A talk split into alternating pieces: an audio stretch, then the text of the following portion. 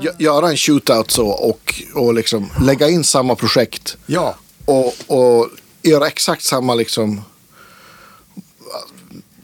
Allt, allt ska vara exakt likadant och så bara.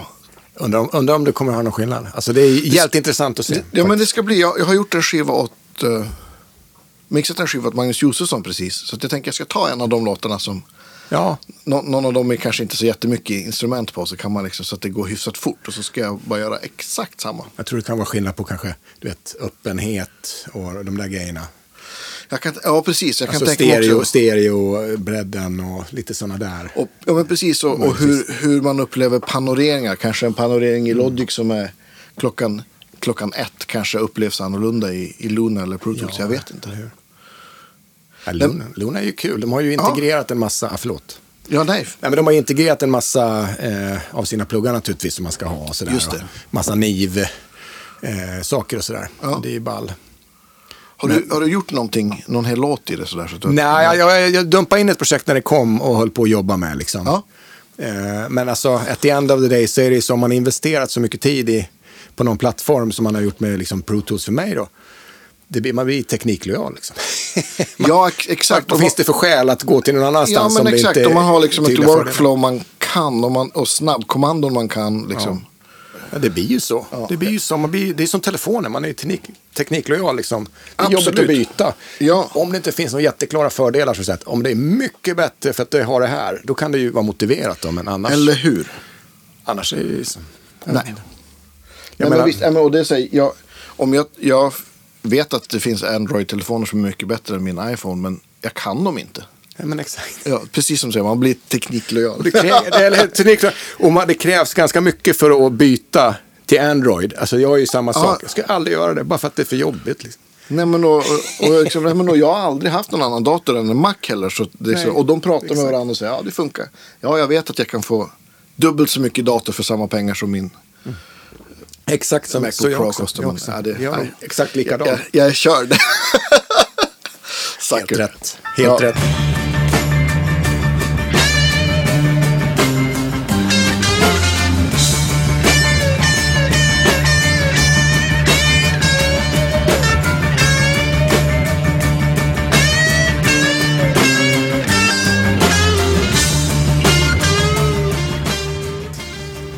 Välkommen till Guitar Geeks podcast, Stefan Bergström. På tiden. Tack så jättemycket. och eh, skittrevligt. Stor ära att vara här, verkligen. Eh, och jag har ju följt er podd väldigt mycket. Ja, vad kul. Ja, Ja, men på, på tiden att du är här. ja. Men vad underbart avsnitt eh, med Mark Stern. Ja, just ja, Det var tack. lite gåshud alltså. Ja, men det, det var gåshud för mig också. Alltså att... Eh, men du var hemma hos honom? i- Jag var hemma hos honom i hans liksom, musikrum. Men stort som det här lilla rummet. Liksom. Ja, men vadå? Åt, åtta kvadrat kanske. Så, så jag, jag satt liksom, ja men typ där mitt skrivbord där hade han en säng. Så, så satt jag liksom på, på hans, nej jag ljuger, han satt på sin säng. Som var liksom sin gästsäng förmodligen. Och så sen satt jag på en pall och så hade vi ett litet, litet bord så här. Ja, det var fränt. Och, och så höra first hand stories om ja, men Miles och Jack och Eller hur? det var, ja, men det var häftigt. Och, och så sen hade han, jag vet inte, jag kanske pratade om det i någon annan podd, men han hade liksom hela, han hade en hel vägg full med, med telefonnummer där han skrivit upp liksom så här. Telefonnummer? Ja. Så det stod så här, här Jim Beard, Dennis Chambers, ja men du vet så här, så det var hela, hela väggen var liksom full med. Vad häftigt. Men han verkar väldigt ödmjuk alltså. Ja, verkligen. På, man, på ert snack och sådär. Ja. Det var ju väldigt häftigt att se. Han verkar Ja men ju... super, eller super ödmjuk liksom. Och, och, och han var så ja men vi kan ta vilken dag passar bäst för dig. Och så. Otroligt. Väldigt, jag tycker ja, han visst. är fantastisk alltså. Ja men visst, legend. Ja. Verkligen. Ja. Och det var ju, då, då, det var ju efter han hade, han bröt ju båda axlarna. Liksom, och det, så att han är ju fortfarande så att, så att han, han måste ha lim med på, på tummen eller där han håller upp plektrumet liksom, med höga handen. För att han kan liksom inte greppa nog hårt för att han skadade några nerver i höga Ja, axlar. han ramlade utanför. Du, han berättade om det. Ja, Ja, han precis. ramlade utanför på trottoaren. Va? Men Ja, shit. ja, Läskigt. verkligen. Och att han bröt båda också. Det, det är helt osannolikt. Ja, ja, det är ju helt... Min, min sambo har bruten eh, fotled. Och hon är ju rätt ja, handikappad eller fotikappad. Nej, man ska inte skämta om sånt där. Men, men, men tänk, att bryta, tänk att inte ha några Några armar. Man, gör ju, man använder ju armarna till en del saker per dag kan man ju säga. Ja, det går inte att föreställa sig. Om man är gitarrist så är det också mardröm. ja, shit alltså. Det skulle vara ganska katastrofartat. Ja, shit. Vi, ibland så börjar vi ju liksom från, från början och så, men det behöver man ju inte alltid göra. Så jag, jag är lite så nyfiken på vad, vad pillar du på just nu? Håller, du på med no, håller ni på med något med skin trade eller är det några andra projekt på gång? Eller? Ja, alltså just nu så håller jag på med... Vi, har, vi släppte ju en, en skiva med Skin Trade i, i mars. Ja, precis. Eh, Show Must Go On. Och sen Ja. har vi gjort lite videos och hållit på. Vi gjorde en live-spelning på, som vi sände från Gröndal, ja. Gröndalsstudion där då, i Skitbra. juli. Ja, det var, jätte, det var jättekul. Det var kul och vi satsade verkligen på att göra det med bra ljud. Tänkte att ska vi göra det så gör vi det all in. Helt rätt. Så att det blir bra ljud så att eh, man inte ångrar någonting sen. Att det var för, utan det ska låta bra, se bra ut, kännas bra och allt det där. Och det tyckte jag, det tyckte jag vi, vi lyckades med. David Ja, är ju grym, Ja, verkligen. grym Alltså. tekniker, bra studio och sådär. Så, så att, eh, det kändes bra. Och sen har, det väl, har vi släppt lite videos, sen har det varit ganska lugnt. Eh, ja, på grund av det läge som är. Vi har inte kunnat gjort någon, någon spelning eller sådär. Nej, och man har, jag tror vi har släppt fem eller sex, sju sådana här hemma video på olika låtar och sådär. Så att vi har gjort det vi har- kan göra just nu. Ja. Men just nu, annars håller jag på och skriver lite grann och producerar lite grann med Bosse Stagman. Okej, vad kul. Ja, så jag håller på med lite det. Eh, vi håller Är det på lite- svenska då eller är det? Nej, det är lite engelskt. Eh, Ja. Engelskt projekt. Ja, kul. Faktiskt. Eh, och producerar och, och ja, fixar och trixar. Ja, roligt. Så vi har hållit på ett tag med det. Eh, Skriver ni ihop då eller? Ja, vi skriver ihop, precis. Och sen så, ja, så lägger jag upp och gör en, gör en, gör en, en arrangemang på, bara med maskiner och sådär. Ja. Och sen så tar man in folk som lägger Ja, lite visst. trummor och, och lite sådär. Så det är väl tanken med väl att han, han vill göra någonting eh, på engelska för att knyta an till sin tidigare karriär då. Ja, men precis. I, eh, i sitt gamla band och sådär. Så att- Exakt. men det är jättekul. Ja, vad Det kul. är jättekul. Vad, vad, vad drar du åt för håll musikaliskt?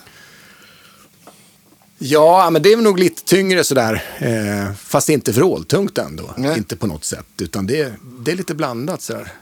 Lite ballader och lite, lite tuffa låtar sådär. Men inte, inte, inte jätte, jättetungt. Eh, det är det inte. Inga, inga åttasträngade gitarrer som Nej. fram.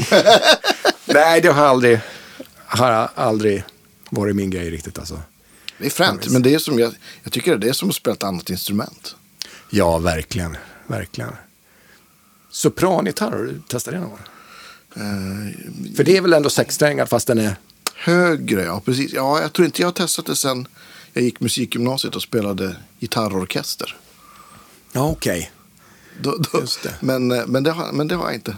Jag, jag, har, jag har varit väldigt sugen på att köpa en sån här Dusenberg. De har ju en, en tolvsträngad som är stämd en oktav upp. Jaha. Som heter Mando Guitar.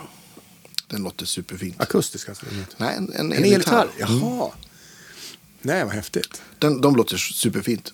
Så, nå, nå, sånt ska det bli någon gång, definitivt. Ja. Så, men, har du någon sån gitarr eller? Nej, jag, jag håller mig till relativt vanliga stämningar. Jag stämmer ner dropp D och sen kanske stämmer ner hela gitarren ett eller två tonsteg. Ja.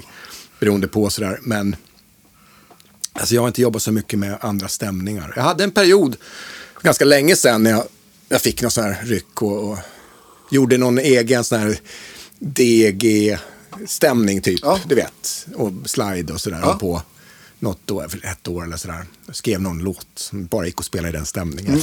sådär. Wannabe Kashmir. Ja, just det. Ja, jag fattar. Men eh, det, eh, ja. Sen, nej, men jag har alltid gillat vanlig stämning mest på något vis. Eh, Mm. Men skin trade, det är vanlig stämning. Det är inte ett halvt ner eller? Jo, det är ett halvt eller ett helt, helt ner. Ja, just det. nästan Ja. alltid. Och sen så är det drop D ganska mycket också. Ja. Sådär. Så att um, om vi gör ett vanligt liveset som vi gör, då har jag väl i alla fall tre gitarrer. Som är olika. Just det. Då, så då har En du, halv eller hel ner. Just det. Och sen och en droppad. en droppad. Då. Ja, just det. Ja, någon låt är faktiskt eh, vanlig också. Ja. Sådär. Man hinner liksom inte göra det live, alltså stämma om på det sättet. Nej, Det men precis. Nej, inte om man ska ha ett set där det ska sitta ihop lite. Vi- Vilka är go-to-gitarrerna med, med skin trade? Då? Ja, alltså gitarren som jag älskar mest det är ju kommer väl alltid vara. Det, jag är ju Les Paul-gubbe liksom, Mm. någonstans. Så jag har ju min svarta, min svarta custom, eh, eller förlåt, eh, standard, men en Mm. custom shop då. Eh, som jag har haft i tio år nu tror jag. Eh, som, jag som jag verkligen, den kommer jag ta med till en öde ö. Ja. Som ni brukar fråga ibland. Ja. då skulle det nog vara den, om man bara fick behålla en och aldrig Ja. någon annan, då skulle det nog vara den som man tog med sig. Ja. Eh, den kan jag inte klara mig utan. Sen kan det finnas andra tillfälliga flörtar man har. Ja, men, men, men, den är, men det är, det är en, den är liksom standard så, men det är en 1960-hals. Ah, Okej, så lite, lite tunnare. Ja. Så det var när vi drog igång med Skintrade igen, eh, Mm. 2012, då hade jag en, en annan standard custom shop med en vanlig 58, en ganska fet hals. Men jag vet inte, någonting med min, min standard, jag, jag får ont. Alltså, okej, jag ja. sträcker mig på något vis. Att det, det är bara att lägga ner. Så att, eh, men då fick jag hjälp av Peter Roth. Ja. Och eh, eh, hitta så att de gör några sådana där 58 kroppar med en 1960 hals. De gjorde någon. Mm. per år eller vad det var. Så då fick hjälpa mig att ordna en sån. ja, vad grymt. Ja, så då var, vart det bra. Då. Ja. Så den, den är liksom main squeeze. Och den är då standard ett halvt ner eller? Ja, Ja. eller ett, ja den, den kör jag, nu kör jag nästan den ett helt ner faktiskt. Ja. Och det är dropp. För de, jag har ganska eh, fet, fet, feta strängar på den också nu. Ja. Så den, den, för den, den resonerar, eller vad heter det, den kli- klingar extremt bra i, i när man stämmer ner den så Ja, mycket. det. Det där är ju lustigt också hur vissa instrument gillar det jättemycket och vissa så funkar det Eller hur? sådär. Och samma Eller med strängtjocklek på något vis. Ja, vad, vad du landat i för, om du kör ett, helt ner det till det, vad, vilka, vad är du på för strängtjocklek då? Vad fan är det nu? Uh, oj, förlåt, man ska inte svära. Ja, det går bra. Nej, men det är, strängtjockleken är väl, vad är det, 54, ner till 54 från 12? Ja, något sånt där. Jag kommer inte ihåg i huvudet. Ja. Eh, jag tror det är ett gult. Det är Ernie Ball, ett gult. Ja, just det. Eh, det är dem. Men det är med, spunnen G-sträng.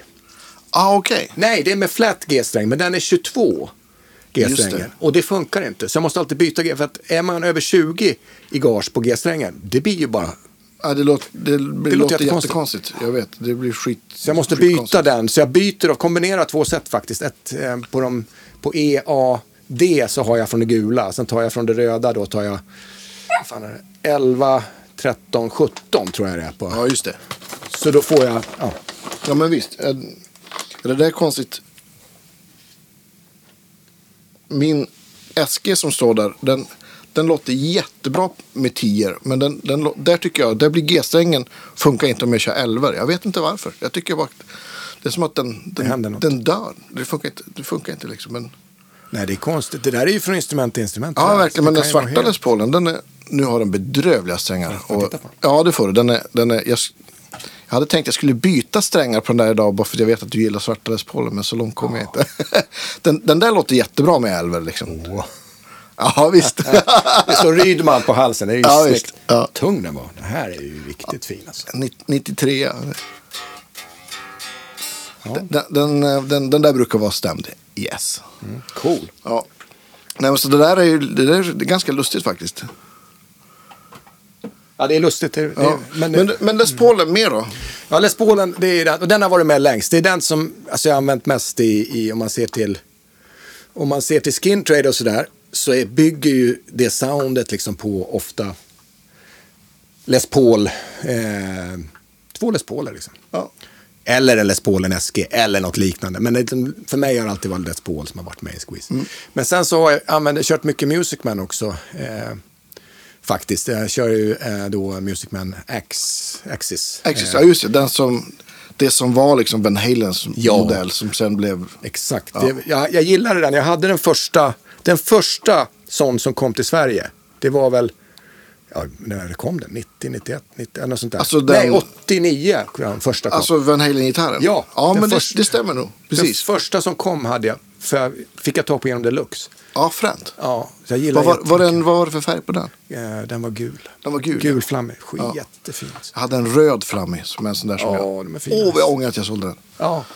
De är ju pissdyra idag de här. Ja. ja det de- den var fantastisk. Eh, den. Och sen så, sen så har jag haft någon efter jag hade en röd Ja. eh, sån. Och sen så Eh, så fick jag lite, lite spons av Music Man faktiskt. Ja, coolt. Eh, inte helt spons på något sätt, men lite grann i alla fall. Det var ju väldigt trevligt då. Eh, så att jag, jag skaffade en, en sån här Family Ball Reserve då. Ja, just det. Axis Ja. med något speciellt trä i. Jag kan visa en bild sen. och- Du måste skicka bilder på alla gitarrer och all, Ja. allt gear vi kommer att prata om här. Absolut. Ja. Nej, men, och den var, det som jag tycker om de där gitarrerna låter rätt bra. Men då, om man jämför med Les Paul, om du går från Les Paul till den, Axis vanliga, så blir det ofta, alltså vanligt treble-läge, Mm. så blir det lite för tunt. Just det. För att en Les Paul, menar, där har du Ja, det är ju väldigt biffigt. Och sen Ja, går du till den bara, ja. Det blir lite, det är lite svårt att få det att funka i en livesituation Ja, liksom, på det sättet. Men det roliga var att den här eh, Family Ball Reserve Ja. eh, då, den var gjord i något, den är gjord i ett annat trä, så den är mycket tyngre. Ah, Jag, vet, jag kommer inte ihåg exakt vad det är kanske mahogny då som Nej, det var, det var, jo, det var något special, jag vet inte. Men den var mycket tyngre, så den, den träklangen är mycket likare än, än, än Les Paul-klangen. Ah, Eh, okej. vilket gör att den ligger mycket närmare. Så det, Ja. vart, eh, det funkar faktiskt Ja. mycket bättre. Eh, Och, och hur är den stämd? Den är vanligtvis stämd en halv ner. Ja. En halv ner. Och, det, och den gula Van Halen, den har du sålt? Den har du Ja, kvar? den, den försvann efter några år. Ja. Det var en väldig omsättning där ett tag på. Ja, det blir ju lätt så. ja, verkligen. Nej, det, det blir ju det blir ju så. Men, men eh, nej, så den, den är stämd. Den är stämd. Det är liksom min, min main-gitarr live faktiskt. Det är där jag kör mest låtar med. Mm. Eh, då, då. Faktiskt. Är det samma hals på dem fortfarande, Axis? Varför så länge sedan jag testade? Så, för det kommer jag ihåg var en av de här liksom grejerna som jag tyckte var så skönt med den här Van Halen gitarren. Att den kändes liksom så inspelad. Det kommer jag ihåg att jag också hade läst i, liksom, i ja, men Guitar World om, om hur de hade liksom mätt hans Kramer-hals. Liksom, eller vad det nu var. Liksom. Att den byggde på den. Ja, precis. Ja, Jo, nej, men det, halsen är ju fantastisk på de där. Mm. Det tycker jag. Man, tar i den första gången så känner man bara, det här är nog den skönaste halsen jag någonsin, Ja, visst. någonsin har testat hela mitt liv. Lite grann så. Eh, nej, det är samma. Det som är intressant i det där i och för sig, och jag har inte testat det, men eh, EVH, de nya EVH-gitarrerna. Ja. Det skulle vara intressant att jämföra, liksom, för det är ju hans barn, Pri- exakt. och, och se hur han har utvecklat. Ja, men exakt. För han säger ju liksom att den här senaste, det, det, är, det är den absolut vassaste som Ja. han har gjort i sin vision och, och Ja, sådär. men visst. Så att, ja, men han var ju så. Han, det, han utvecklades ju hela tiden liksom med, Ja. med soundmässigt och exakt. stärkare och gitarrer. Exakt. Och liksom. ja. Nej, men jag, har, jag, har, jag försöker tänka på om jag testade. Jag testade ganska många. Han hade ju PV-gitarrer ett tag. Också emellan. Ja, och, precis. och då kommer jag ihåg att då gjorde de någon. Jag har en kompis som har en sån. Eh, ja, men den billigare varianten. Eh, och jag har för mig att det är, den har, det är liksom samma halsprofil. Så det skulle, skulle vore intressant att, att testa någon, någon eh, ja, ja, verkligen. styra upp det. Ja, det vore kul att se. Och framförallt också träet och mickarna. Och se, Ja. alltså, för att eh, de där mickarna är ju väldigt bra alltså, som sitter på, på Axis och det här. Tycker Ja. jag. Jag tycker de de är liksom... Det är ju förmodligen samma gitarr. Ja, det borde ju vara det. Ja. De har, flyttat, de har flyttat på eh, switchen va? och satt hit en tonkontroll. Ja. Tror jag, för att det ska vara liksom mer. Ja. Ja. Ja. men det skulle vara kul att testa den faktiskt. Ja. Den, den fina modellen, eh, den dyrare. Ja, verkligen. Och den, och den tredje skin trade-gitarren då? Den tredje skin gitarren eh, då har vi, eh, ska vi se, Les Paulen, vi har Music Man. Eh, alltså, jag har två där egentligen. Antingen har jag en, en Strata, eh, en vanlig, en Squire Strata som jag köpte av Peter Roth faktiskt. Ja. Det är jättebra. Det är en, en 70 70-talare, stort huvud, Maple, som han eh, fick av Yngve. Ja, vad fränt. För han har jobbat Yngve jättemycket. Så när Ja, han slutade visst. jobba för Yngve, då fick han den där. Eh, och sen har han haft den alla år. Och jag vet att jag älskar den där gitarren, Ja. Peter. Så att jag fick eh, köpa den av honom. Med löfte om att jag skulle sälja den så Ja, skulle jag visst. köpa tillbaka den. Det var... Men sådär, så att eh, den brukar jag ha med mig. Den låter jättebra alltså. Det är någonting med träbitarna där bara som, Ja. du vet, det är bara rum, ops, Coolt. där var det något, don't touch it. Det är bara... Är det Yngve-mickar och hela Nej, kittet på den? nej. eller? nej. Nej, det är DiMarzio. Red Velvet, något sånt där. Ja. Ja, det kanske är Yngve. Men jag är ingen Nej, jag vet- super-Yngve sådär. Han, det är väl HS, Ja, det är det. HS, HS2, exakt. HS3? Just det. Just. Och nu tror jag att han har något signatursätt. Ja, skitsamma. Ja, men den, den låter bara så här otroligt bra och det är någon magi med hur träet vibrerar och någonting. Du vet, du bara känner att det bara sitter där. Det är fantastiskt bra.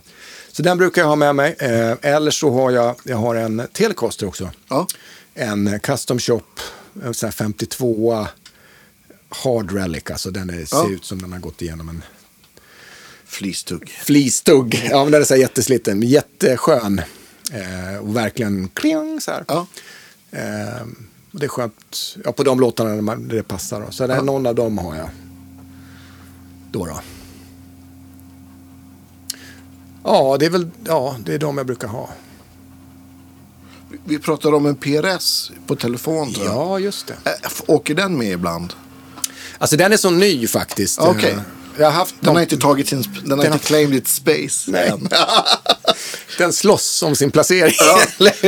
Nej, men den, den, det är en Custom 24 som jag, Ja. som jag, som jag köpte. Och, eh, därför att jag, jag hade en till Les Paul, som jag, en Goldtop som jag älskade. Eller så, så. Men det kom mitt handproblem in så jag kunde inte lira på den för att Ja. jag, den var för fet hals. Eh, så att jag, jag har ingen val, jag var tvungen att göra av med dem. Och, och då kunde jag hitta då, jag testade massa olika gitarrer. Och eh, hittade, efter mycket om jag testade lite SG, så jag testade lite olika, jag tänkte jag ska ha en till liksom. Ja. Men då hittade jag den här PRSen och jag kände bara att den här halsen, och, alltså träet och allt, allt det, det är otroligt bra alltså. ja, kul. Ja, det bara fäste på, du vet. Det var, det var något speciellt. Eh, Det är någonting med träet i den här gitarren. Det är så här. Det är annat trä i kroppen. Det är eh, swamp ash istället för, för mahogny tror jag. Det brukar vara mahogny.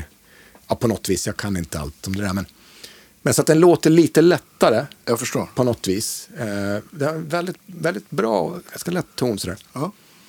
Så att eh, jag tänkte, fan jag tar, kör på den. Ja. Så jag, jag tog den. Jag har haft en PRS på 80-talet en gång förut. Men då tyckte jag att de är för bra för att vara de är för bra för att ha. Ja. Alltså det är för lite tuggmotstånd. Alltså det, Ja, det är för bra. Det går inte att använda för att det är så bra så att...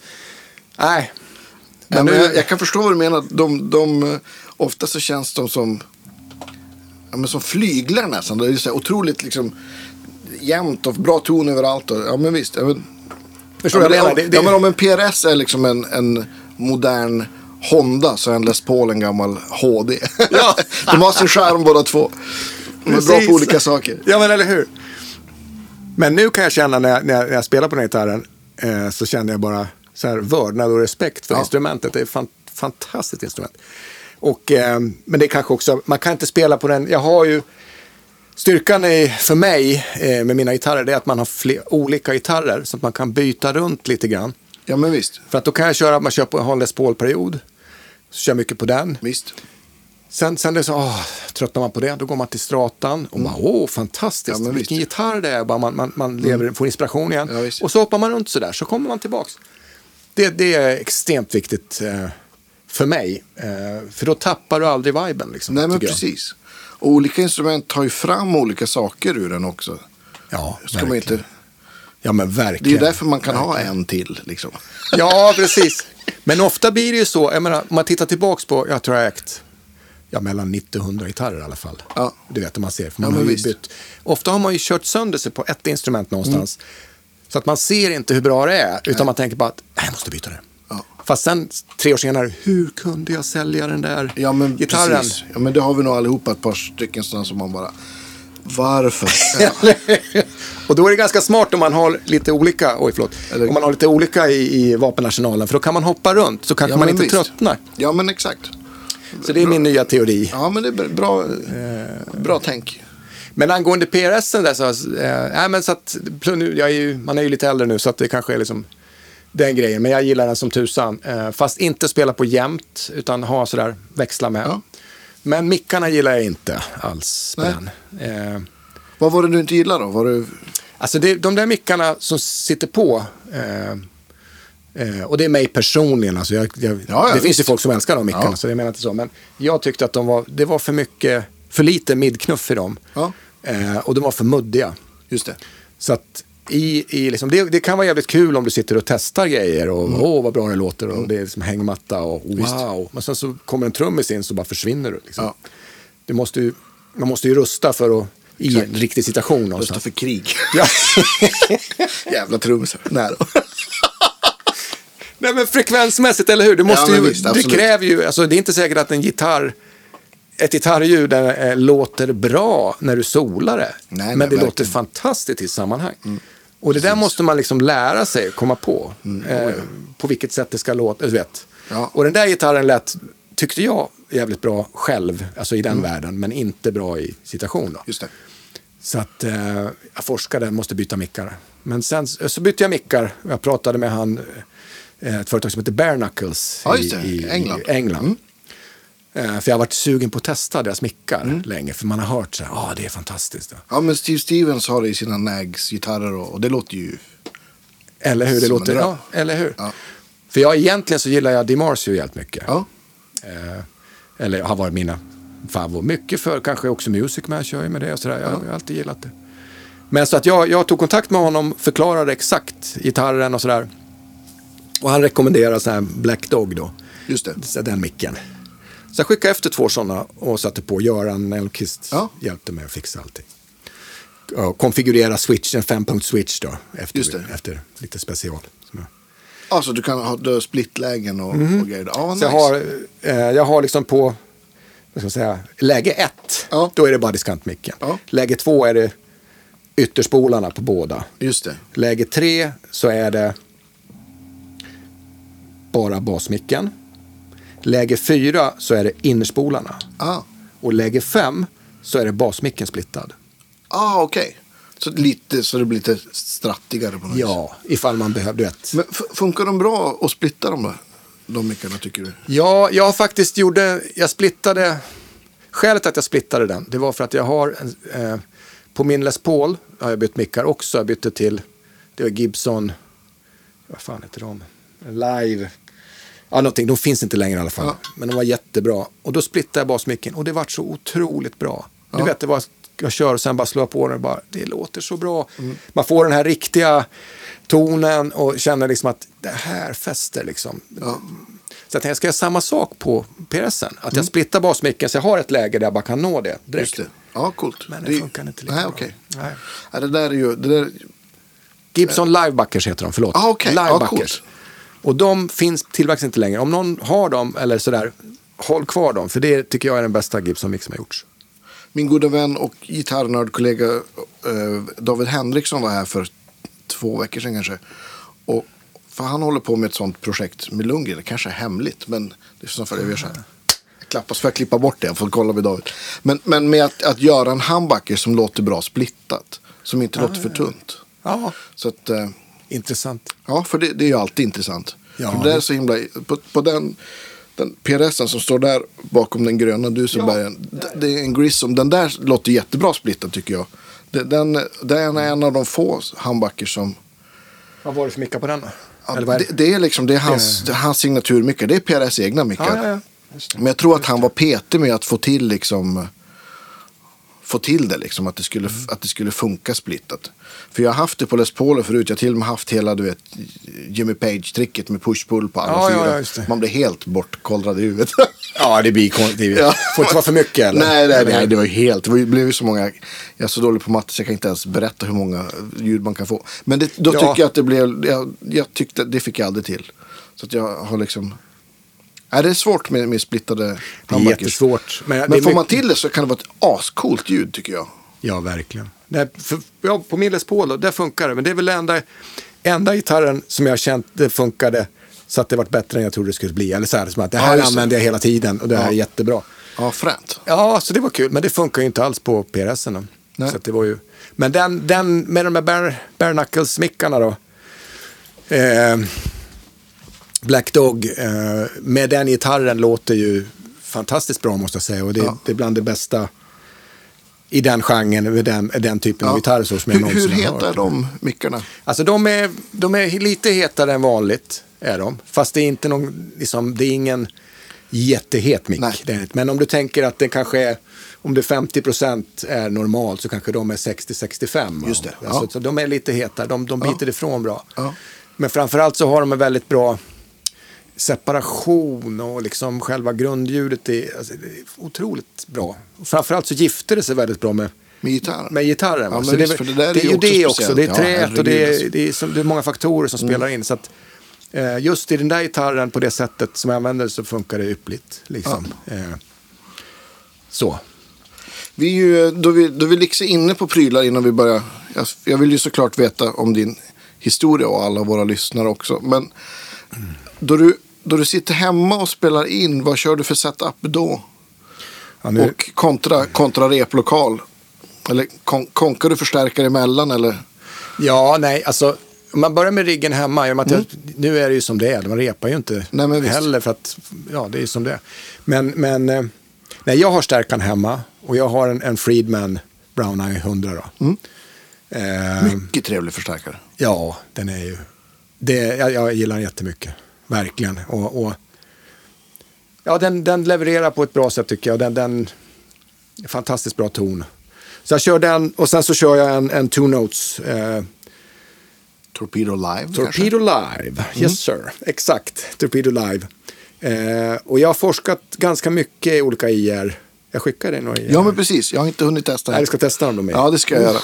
Men, men för att grejen är, jag har några teorier. För mig själv Ja. så är det så att jag, jag tycker liksom att det viktigaste i alltså det, det, det som är svårast att göra digitalt på ett bra sätt, om man har testat tusen Mm. grejer. Och det, alla har sin egen eh, tes på det här. Ja, så att, eh, men för mig så är det så att jag vill ha en riktig stärkare. Ja. Och sen så gör jag, om, om jag inte har möjlighet att micka upp på riktigt, så gör jag hög, simulerar jag högtalaren. Ja. För jag tycker inte att högtalare, det funkar ganska bra att simulera Mm. i den i digitala världen. Men stärkare däremot, en rörstärkare, it's a living thing. You know? Ja, men visst. Jag tycker inte att det, det, det översätts inte lika bra. Eh, och sen det viktigaste av allt tycker jag också, det är att spela i en rörstärkare eh, som svarar mot, det är som en, det är som en levande Absolut. man, man känner rören jobbar, alltså du får en speciell feeling. Att spela Mm. rakt in i en dator, för mig, det, det, är, det är som att hångla med ett lik. Mm. Det händer inget. Nej, alltså, nej jag skojar. Nej, men alltså det, Ja. det Nej, men visst, bra, bra. och grejen är att det, det, först i början när du testar något. Ja. Mm. Du testar, åh det är den nya, den har ah, det låter ju, jag kan inte höra skillnad, det är fantastiskt. Mm. Och sen a month down the line, när du har använt den en månad, säger fan, tråkigt allt, jag vet inte vad det är. Och så tar du fram rörstärkaren och sätter upp och så bara, yeah, alltså så får Ja, så att det är där, man ska inte underskatta feelingen i att spela mot en, rör, alltså en riktig levande Ja, rörstärkare. Nej, alltså ljudmässigt så tycker jag att, att ja, men både pluggar och, och, och digitalprocessorer har varit där ganska länge. Har låtit liksom jättebra. Jag tyckte liksom, det har jag sagt flera gånger, men jag tycker att liksom första Alltså den första podden som kom, den här njur, njuren, den hade många ljud som lät skitbra. Men den, Ja, känd, ja, den det, kändes ju det. katastrof att spela på. Ja, skulle man spela på den idag så skulle man ju liksom... Det, jag kommer ihåg att det var vissa ljud där, där man till och med upplevde att det var latency. Liksom. Ja, just det. Att, och allt sånt där har ju blivit, blir ju liksom, blir ju bättre och bättre. Liksom. Ja, det blir det. Men, men, Men, det, ja, men, men så, och då, då kör du liksom... Ja, då har du din Friedman in i den här two-notesen. Har Mhm. du, kör du pedaler innan också eller i loopen? Eller, vad har ja, du för... alltså jag, jag, jag kan säga att för det första så vad gäller pedaler så är det så att jag, när det gäller dist och så, så använder inte jag, jag har aldrig använt pedaler. Nej. Eh, det har aldrig, jag har aldrig fått till det, det har aldrig varit min grej. Så jag, jag har testat miljoner distpedaler, och overdrives och hit och dit. Det har alltid slutat med att nej, alltså, det, det, Det låter pedal. Ja, för mig låter det är bara någonting. Om stärkan är bra, gitarren är bra, om man vet vad man ska spela och det känns bra, då är det, det är bara extra onödigt. Liksom. Det Ja, behövs inte, tycker jag. Och jag, sen kan det vara att jag inte har fått till det bara helt enkelt. Jag har aldrig fått till det med pedaler. Däremellan. Sen har jag ju, men jag har lite andra grejer. Jag har, Göran har byggt mitt bord då. Eh, Så att jag har ju, Det vill vi också ha bild på såklart. jag har absolut, Nej, men jag har ju så här Musicom. Just Då, då, eh, som, som hjärnan i det där, som har en 5-6 loopar är det väl. Och sen så, då har jag till exempel, jag har Boss Chorus det här, vad heter det? Ja. VZ det här. Du då kommer den här nya serien. Ja, men just det. Det är lite större, fyrkantigt. Eller nej, Eller det, nej? det är snarare, men det är den här... Ja, Ja, Vasacraft. Ja, Vasacraft. Precis. Deras, ja, men CE... Ja, exakt. Två, Ja, just det. exakt den. Ja, det är asgrymt. Den tycker jag låter Mm. jättebra. Mycket bra. Eh, och sen har jag lite annat smått och gott. En H9, det Mm. jag gör delayen och den ligger ju då i loopen. Eh, Korset ligger ju innan då. Mm. Men det är ju fyra punkts. Just det. Det är ju väldigt bra loop i, i Friedman också. Ja. Otroligt bra gjort allting, så att, så att man tappar inte. Eh, men det är väl det jag har. Sen har jag en, en specialpedal som, som från Digitech som jag tycker är lite kul. Som lägger på typ en oktav över. Det, det, det kallas för att den simulerar en tolvsträngad. Ah, okej. Det är jättecool. Så att du, Ja. alltså den halvrisigt och sådär. Men det är ganska kul på solon att ha. För då kan du få liksom den, en oktav över då. Ja, vad fränt. Egentligen kan man få vilken harmonizer som helst. Men den gör det på ett väldigt snyggt sätt. Ja. Eh, den är cool. Sen har jag en van, vanlig Octavider. C3, alltså trean. In, Alltså en vanlig boss. en vanlig boss. Ja. som man kör med ibland. Det är väl det jag kör. Sen har jag någon en sån här Decay Attack. Jag testade något sånt, men det är liksom bara lek. Det är ingenting jag använder. Nej. Utan det jag använder, alltså det är delay använder jag. Ja. Eh, när jag spelar solo liksom. Och sen chorus. Eh, och sådär kan man ha ibland. Och när halvklint ljud, då kör jag, då kör jag ju eh, bossen då. Och sen ibland Kali 76an, den Ja, kompressorn. Ja, ja, den, den har jag också på bordet. Ja. Fast oftast inte alltså. Jag får inte till det med kompressorer heller. På. Kompressorer kan ju vara, i alla fall på, på distade ljud så, så tycker jag att det är helt överflödigt. Liksom. Ja, Men på, men på rena ljud kan det vara bra för...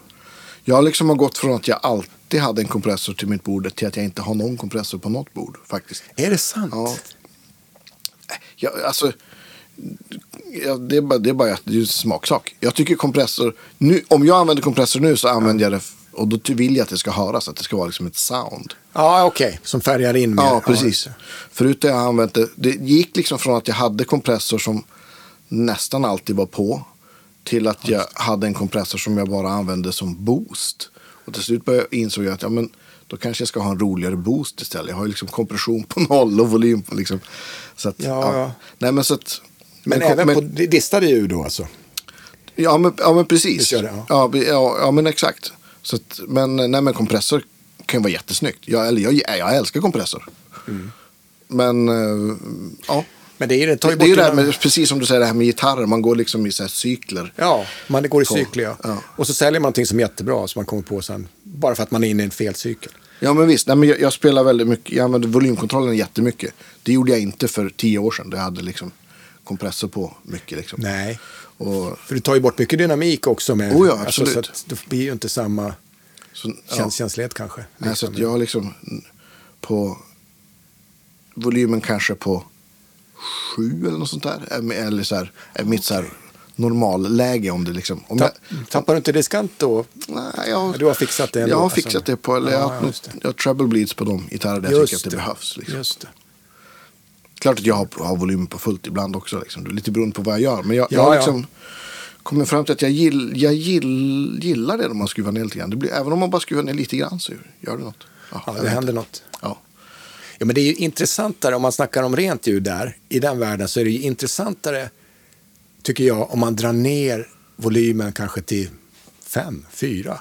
ja, visst. Och det är rena ljud som uppstår på en distkanal. Exakt. Än att köra på den klina kanalen och det bara hej och hå clean. Ja, men exakt. Det är någonting som gosar med disten fast den är Absolut. ner och, och Ja, alltså, det händer någonting. Ja, men exakt. Det, det, det, det är det som är mina rena ljud nu för tiden. Ja, liksom, är, är liksom, Antingen om jag kör mina, om Olsson och Insulander, att jag har en, en drive som står på liksom, Ja. hela tiden och så cleanar jag upp. Liksom. Men annars så kör jag någon, ja, men någon sån stärk som står bakom här så, så då vrider jag bara ner volymen. Men Jag kommer ihåg en gång vi träffades, första gången vi träffades, vi spelade i någon folkpark med, Ja, exakt. kommer du ihåg? Jag spelade med, Eskilstuna. jag var ute och gjorde lite spelningar då med, med eh, det var Christer Sandelin och Tom Ekman var det. Just det. Ja, och jag hade glömt stärkan. Just ihåg det, ja. Jag åkte hemifrån och packat allting, glömmer förstärkan. Parken Zoo var det. Ja! Nu kommer jag ihåg. Ja. Och då ringer... Det var första gången vi sågs. Ja, och då ringde Ja. trummisen kände det. Jag kände inte dig då. Ja. Då ringde han dig och frågade, åh, kan Stefan, han glömt förstärkaren för jag hade kommit jättelångt. Ja. Kan han låna din? Och då fick jag låna din. Va, vad hade jag Two då? Rocks. Turok hade jag då, ja. Åh Just det. jäklar vad bra den lät alltså. Ja, den var, den, är, den var jättebra. Ja, men den lät ju fantastiskt. Ja. Jag, jag använde ju inga pedaler som alltså bara rakt in. Vilken Ja. grund Ja, men visst. mustig dist. Ja. Alltså, det var ju skitbra Ja. alltså. Lät kanon. Tack så jättemycket för Ja, det var min, min ära. Ja, det kommer jag ihåg. Ja, herregud. Men- ja, nej men så att eh, eh, jag använder inte så mycket. Vet du. Jag använder ren dist. Eh, och sen... Eh, Vilket läge kör du på din Friedman då? För den, den, de där har väl liksom ett par ja, de har... olika... Hur mycket hår man ska ha, eller på att säga. Ja. Nej, men det, det är liksom, du har ju två lägen. Du har ju en ren kanal, sen har du ju eh, en vad ska jag säga, crunch och sen en lead dist. Om Just säger. Ja. Här, du har Brown Eye och Harry Brown Eye. Ja, heter det. ju den värsta distkanalen. Och eh, man kan väl säga att om man ligger på Brown Eye, det vill säga man ska definiera som crunch-kanalen. Om du ligger på en eh, ja, 5-6 på gainen. Då har du all gain du liksom kan motivera att... Att man någonsin ska behöva. ja men typ. Om du fortfarande vill ha separation och ton kvar i Ja, hög utsträckning. Ja, om du drar på, om du sänker mer, om du kommer upp på 6-8. Då blir det visserligen, du får det här, du får det där, släpper den lös då på något Mm. vis. Eh, Men du tapp, det är på bekostnad tycker jag lite av separation. Jag försöker ligga runt 5-6. Mm. Det kan vara lite tuffare att spela ibland, eh, beroende på låtar. På den kanalen. Och spelar man tyngre, ännu tyngre musik, som du var inne på förut, åtta Ja, strängade gitarrer eller någonting. Om du går över till Harry Brown Eye och ligger runt 5-6, då det är ett veritabelt monster. Alltså, det, släpper Ja, det. det är ingen lek. Faktiskt. Nej. Sådär, så där, jag brukar aldrig vara Det där. finns gain så att det räcker. Ja, det finns. Det finns. Det är liksom inte... Ja, men det är inte det som är... Nej. Du vet, det fin, det är, utan det är mer...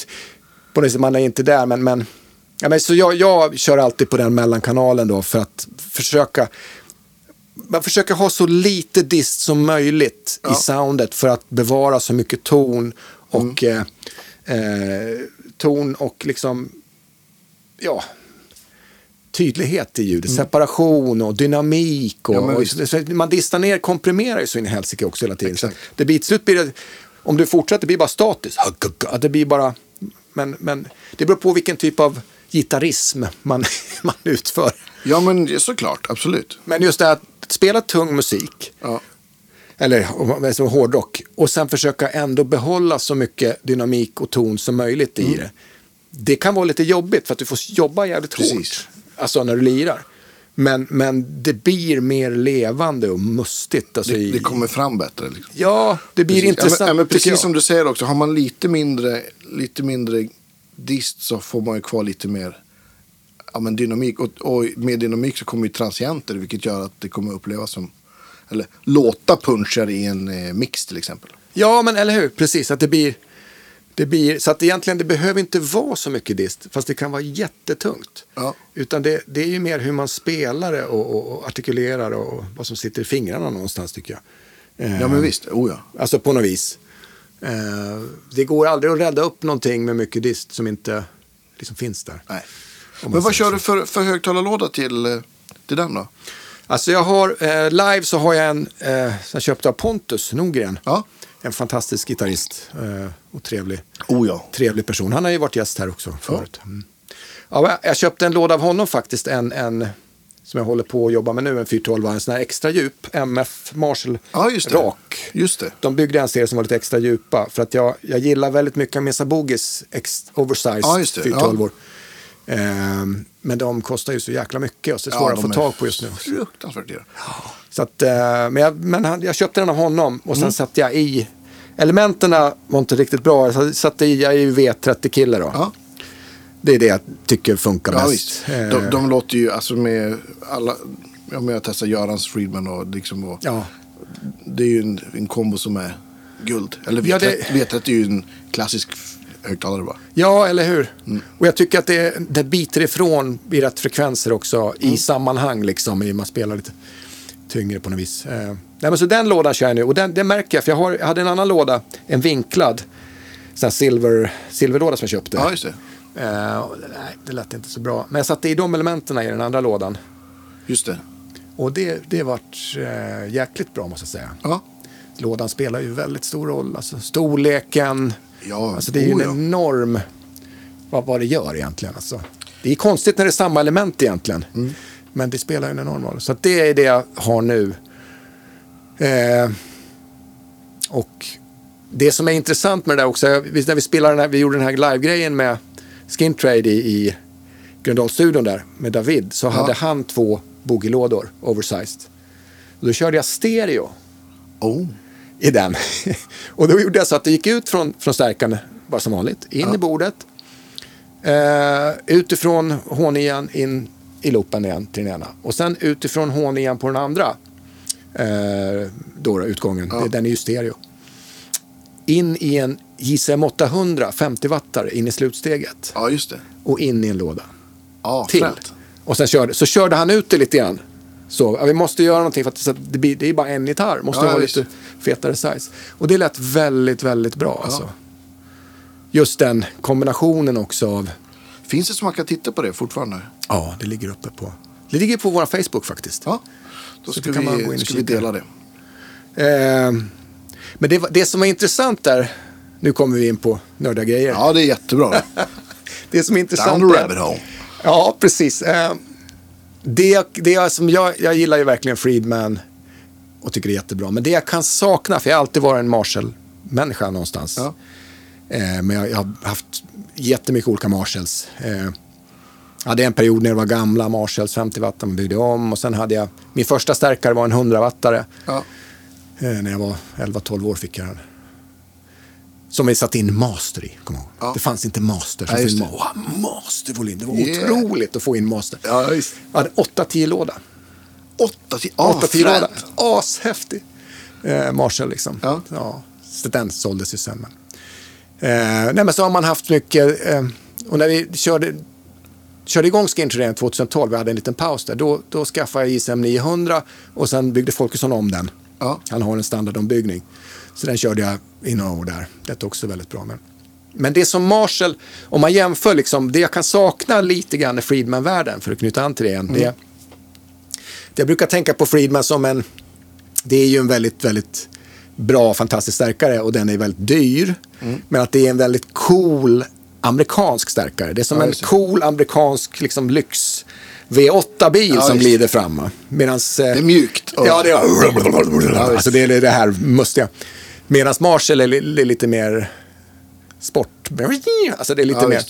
Det finns ett övre register. Eh, det, ska, alltså det är någonting, eh, det Ja, men det- skriker det mer om dem. Det fräser Ja, mer, precis. Och det där kan jag sakna. Men det lustiga var att i studion när vi gjorde den här eh, i Gröndalsinspelningen. Och när jag körde in Friedman försteget då, genom bordet, in i 50 wattan.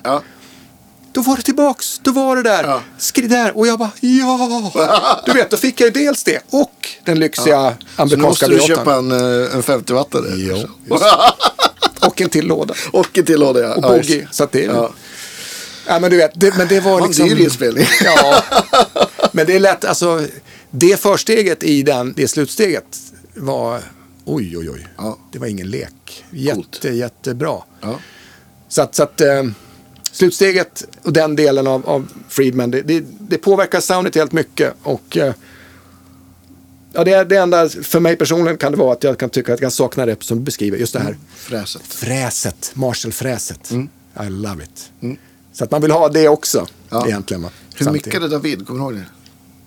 57, ja, 57 Royer 120, 121. vet Ja. Ja. Kombinationen, du vet. Ja, klassisk. Klassiska på båda. Precis. Så du får det här lite mustiga, tyngre och... Exakt. Typ kanske en, oj, en sån här alltså. Fast med en, en, en Royer. Ska se, så där ska det se ut va? Ja, En Royer där. ja men precis. Ja. Så att det blir fas riktigt och sådär. Exakt. Eh, det är väl den kombination som jag... Antingen det eller så bara en rak 57. 57. Ja, visst. Det, det är det enda som jag alltid har kört. Ja. Alltså när jag har. Ja. Det, är, det, är så här, det, det funkar. Och det har blivit en klassiker av en anledning. Ja, eller hur? På något vis. Det enda jag kan komma ihåg att när vi gjorde första plattan med Skin Trade för 6000 år sedan, 1991. Ja. Eh, då gick vi in i Soundtrade med Ronny Lahti. Mm, coolt. Ja, det var jättecoolt att få. Du vet, vi fick ju Matti Alfonsetti då. Ja. Kom hem från England och vi fick ju skivkontrakt med Polygram då. Ja. Som sen vart Universal.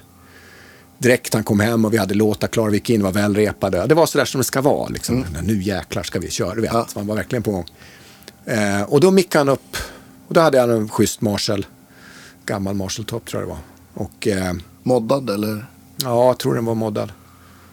Nej, jag hade en JSM 900, förlåt. Jag hade en JSM 900. När var det här? 90. 91. 90, ja. Eh, jag, var, jag var så att alla köpte JSM 800. Just det. Och jag tänkte att "Nej, jag gör inte det. Jag köper 900. Ja. Jag är lite häftigare jag. Ja, exakt. Det var ju en väldig skillnad på de stärkarna. Alltså. En otrolig ja, skillnad. Eh, och det var svårt. Vilken, vilken version? För det finns ju ganska många 900. Ja. Och de är ganska olika. Nej, 100 wattan. Eh, 100 wattan med två kanaler. Just det. Ja, den. Eh, och den, de, de har ju någon slags liksom, distbox inbyggd i sig. Det, Mm. det är inte den naturliga rördisten i dem. Så det är inte helt enkelt att få den att låta så här krispigt och bra på något vis. Men, men Ronny är en fantastisk tekniker. Ja, visst. Och speciellt i de där sammanhangen. Du vet när ett rockband som, du vet, vi spelar ju live liksom naturligtvis. Och, eh, men han, han mickade upp den jävligt kul. Vet du vad han hade för mick? Nej. 58. Ja, Det kör han så. Men kör inte 57? Nej, 58 är bättre. okej. Jaha. What's the difference? Det är ju samma, Ja, det, är, det är samma mick. Det är ju bara, det är ju samma membran allting, säger de som vet. Men. Så han körde 58 i alla fall. Eh, och också bara en mick, inget tjafs liksom. Ehm, sådär. Så det har, det har jag liksom alltid använt sen på något vis. Eh, men nu kör man ju mest IR. Uteslutande i och för sig. När man jobbar hemifrån på det Ja, sättet. men visst. Det blir ju så. Ja, jag är mycket sugen att testa de två som du skickade till mig. Det ska bli skitkul. Ja, där är, alltså, jag tycker att det påverkar ju, jag kommer jag snackar om det i podden också, det påverkar ju typ 50% eller mer. Ja, visst. Och det är ju så, jag menar en, en, en, en bra låda, det, det låter ju bara, allt kan ju låta m- mycket bättre. En dålig låda kan ju förstöra i princip vad som helst. Ja, visst.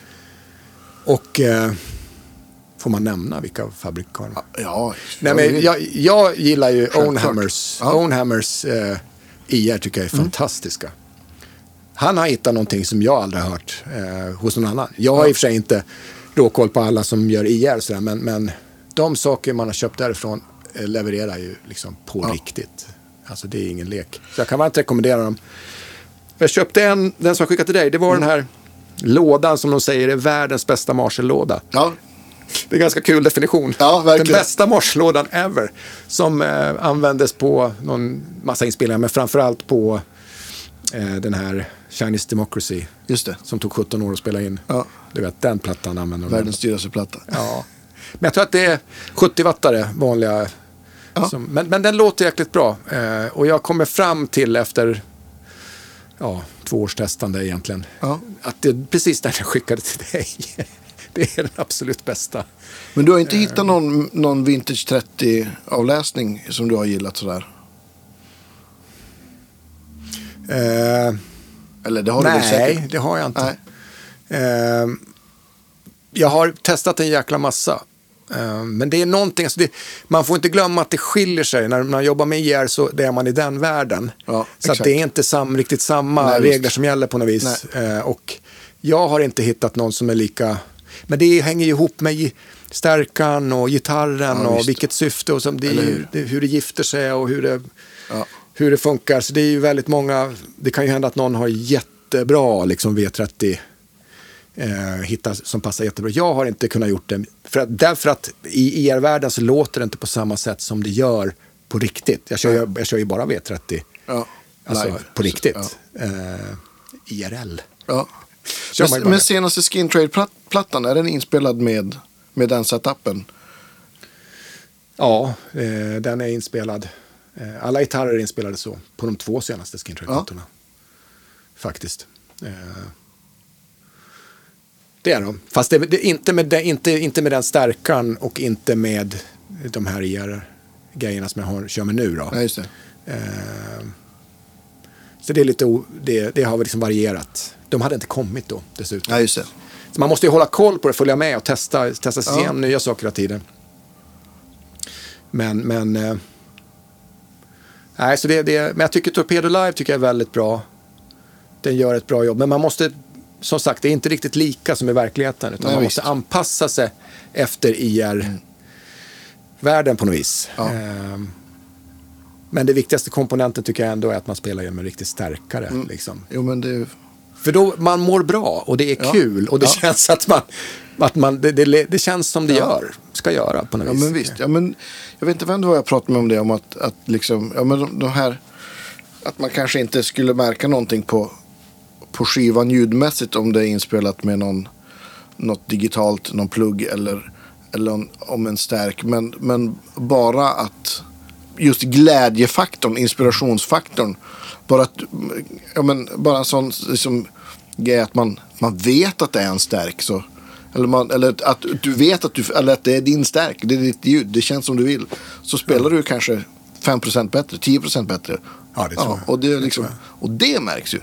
Alltså, Om man spelar bättre eller är inspirerad, det är ju det som hörs. Det är liksom, det är ju musiken som Precis. är liksom det viktiga. Om det, det är ju mycket viktigare än, än, än ljudet i sig faktiskt. Ja, om, man, om, man, om man ska liksom hårdra det. Ja men verkligen, verkligen. Om man har, om man har någonting att säga och spela, alltså man verkligen, och, och, och sådär, då är det ju, ljudet är ju sekundärt. Om det inte är jätteuselt. Nej, men precis. men är det över en viss gräns så Ja. är det ju, en men- viss kritisk nivå så är det ju, så är det, Ja, jag håller med. Ja, men det är ju ganska mycket skivor som man, som, eller som, om man lyssnar med ett, så här, ur ett ljudtekniskt, med ett kritiskt öra så, så är det ju ganska mycket skivor som man älskar som kanske inte låter så bra. I massa olika genrer. Oh ja, men oh som, ja. som har fantastisk musik. ja precis. Och det är det man minns. Det är det man minns. Dels det och sen just det här att, att tänka på, alltså när man, snackar om ljud, att, att det ska funka i ett sammanhang. Ja, ja visst. För Absolut. det, jag tycker att hel, jag tycker mycket jag tycker att mycket av den digitala eh, gitarrrevolutionen eh, är liksom, bygger på att man sitter hemma själv och testar. Det är inte mycket som försiggår så här, så- liksom att, som fokuserar på i sammanhang, liksom, med trummor i en bandsituation. Vad är det som funkar? Hur låter det? Ja. Det är så, sådär. Och jag fattar det, därför de säljer ju, de säljer ju det här till det är folk som sitter och lirar gitarr själva. Ja. Och det är väl jättebra. Men, men man måste tänka steget längre tror jag, om man ska Definitivt. på något sätt. Och, och, och jag brukar ju också hävda i, i sten att de flesta sådana här äh, alltså, fabriksljuden som är gjorda i sådana här digitala burkar Ja. är ju gjorda, är ju, är ju liksom sovrums-EQade och Ja, eller hur? kanske är Precis. lite för, för blöta, för mycket reverb och delay. Och, Ja. Så att det låter stort och mäktigt om man spelar själv. Så jag har liksom, kommer ihåg, jag har ju spelat jättemycket liksom med, med digitala grejer. Och jag kommer ihåg hur besviken jag var. Jag hade testat, det första gången jag testade en XFX. Liksom, där jag var tvungen att skaffa en, för ett, ett gig. Och jag var tvungen att skaffa det ABBA-bandet. Ja, en digital det. process. Och, och jag tyckte att alla fabrikspresets lät så himla dåligt. Så tänkte jag, nej men det måste ju gå. Så jag bara lyfte in min, jag hade den här lila med professorn här. Och, Ja, just det. och, och, och, och högtalarlåda. Så, så, så, ja, men så här vill jag ju att det rena ljudet ska. Och så, och så bara började jag från noll och så hittade jag någon, jag tror att det var någon Mark eh, Mesa Boogie liksom, som blev det rena ljudet. Liksom. Och så, så försökte jag härma mitt förstärkarljud. Ja, okej. Så, så, att, så att, så att eh, vilken, vad, vad, vilken lång, långt inlägg det blev från min sida. här, Men, nej, men att, att, Ja, ju- just ja. att de är gjorda, precis som du säger, Ja, de är gjorda för att, för, för, för, för- för, för, för, för, att spela själv och det ska låta fint liksom, i lurar eller i, i högtalare. Det är väl bra i och för sig. Alltså, Ja. det fattar man ju, men, men för mig som är uppvuxen och för dig, och du vet, vi är uppvuxna med riktiga förstärkare, rörförstärkare, Ja. en speciell känsla, man känner en låda som knuffar. Och jag är inte så, jag är inte så, jag, jag är inte så engagerad i det där. Alltså, jag vill ha min stärkare, liksom, Mm. om jag lirar live eller om jag spelar in. Sen, jag är inte intresserad av att hitta andra lösningar som ska kunna ersätta Nej, men min precis. Friedman. Varför ska Nej. jag ersätta den? Jag jag vill att du spelar på den. Ja, exakt. Förstår du vad jag menar? Precis. If it ain't broke, don't fix Nej, it. men liksom, ja. varför ska man ersätta den? Du har ju spelat på den riktiga stärkan då. Ja. Men däremot, jag vidhåller ju att liksom, du vet, eh, det är lättare att simulera en låda digitalt än det är att göra själva stärkan. Mm. Men sen har jag också tänkt, man tänkt på att det som gör att det är en speciell känsla i en stärkare, det är att man spelar mot rören, framförallt instegsröret. Så tänk om de gör en simulator, digital simulator, alltså Ja, gitarrsimulator, det. mod, med ett sånt förstegsrör. Ja, bara det. för att du ska få känslan. ja, där sa du något. Förstår du? Mm. Det skulle kunna ge, då kanske det plötsligt Ja. blir en annan feeling. Ja. Det, jag brukar ju säga att vi lever i guldåldern för teknik och gitarrprylar så att det kanske kommer. Ja, det kanske borde- redan finns. Det borde det, borde det väl göra. Men hur, hur började du spela gitarr? Vi, har, vi, vi måste, ju, måste ju backa lite också känner jag. Ja, nej, men jag, jag kommer ju från, från Mora. Jag var ju född i Stockholm, men flyttade Ja. till Mora 71 när jag var fem år. Nu är det verkligen. Jag föddes på SÖS Ja. en gång i tiden. nej, men, nej, men sådär. Och vi flyttade upp och farsan är ju gammal jazzmusiker då.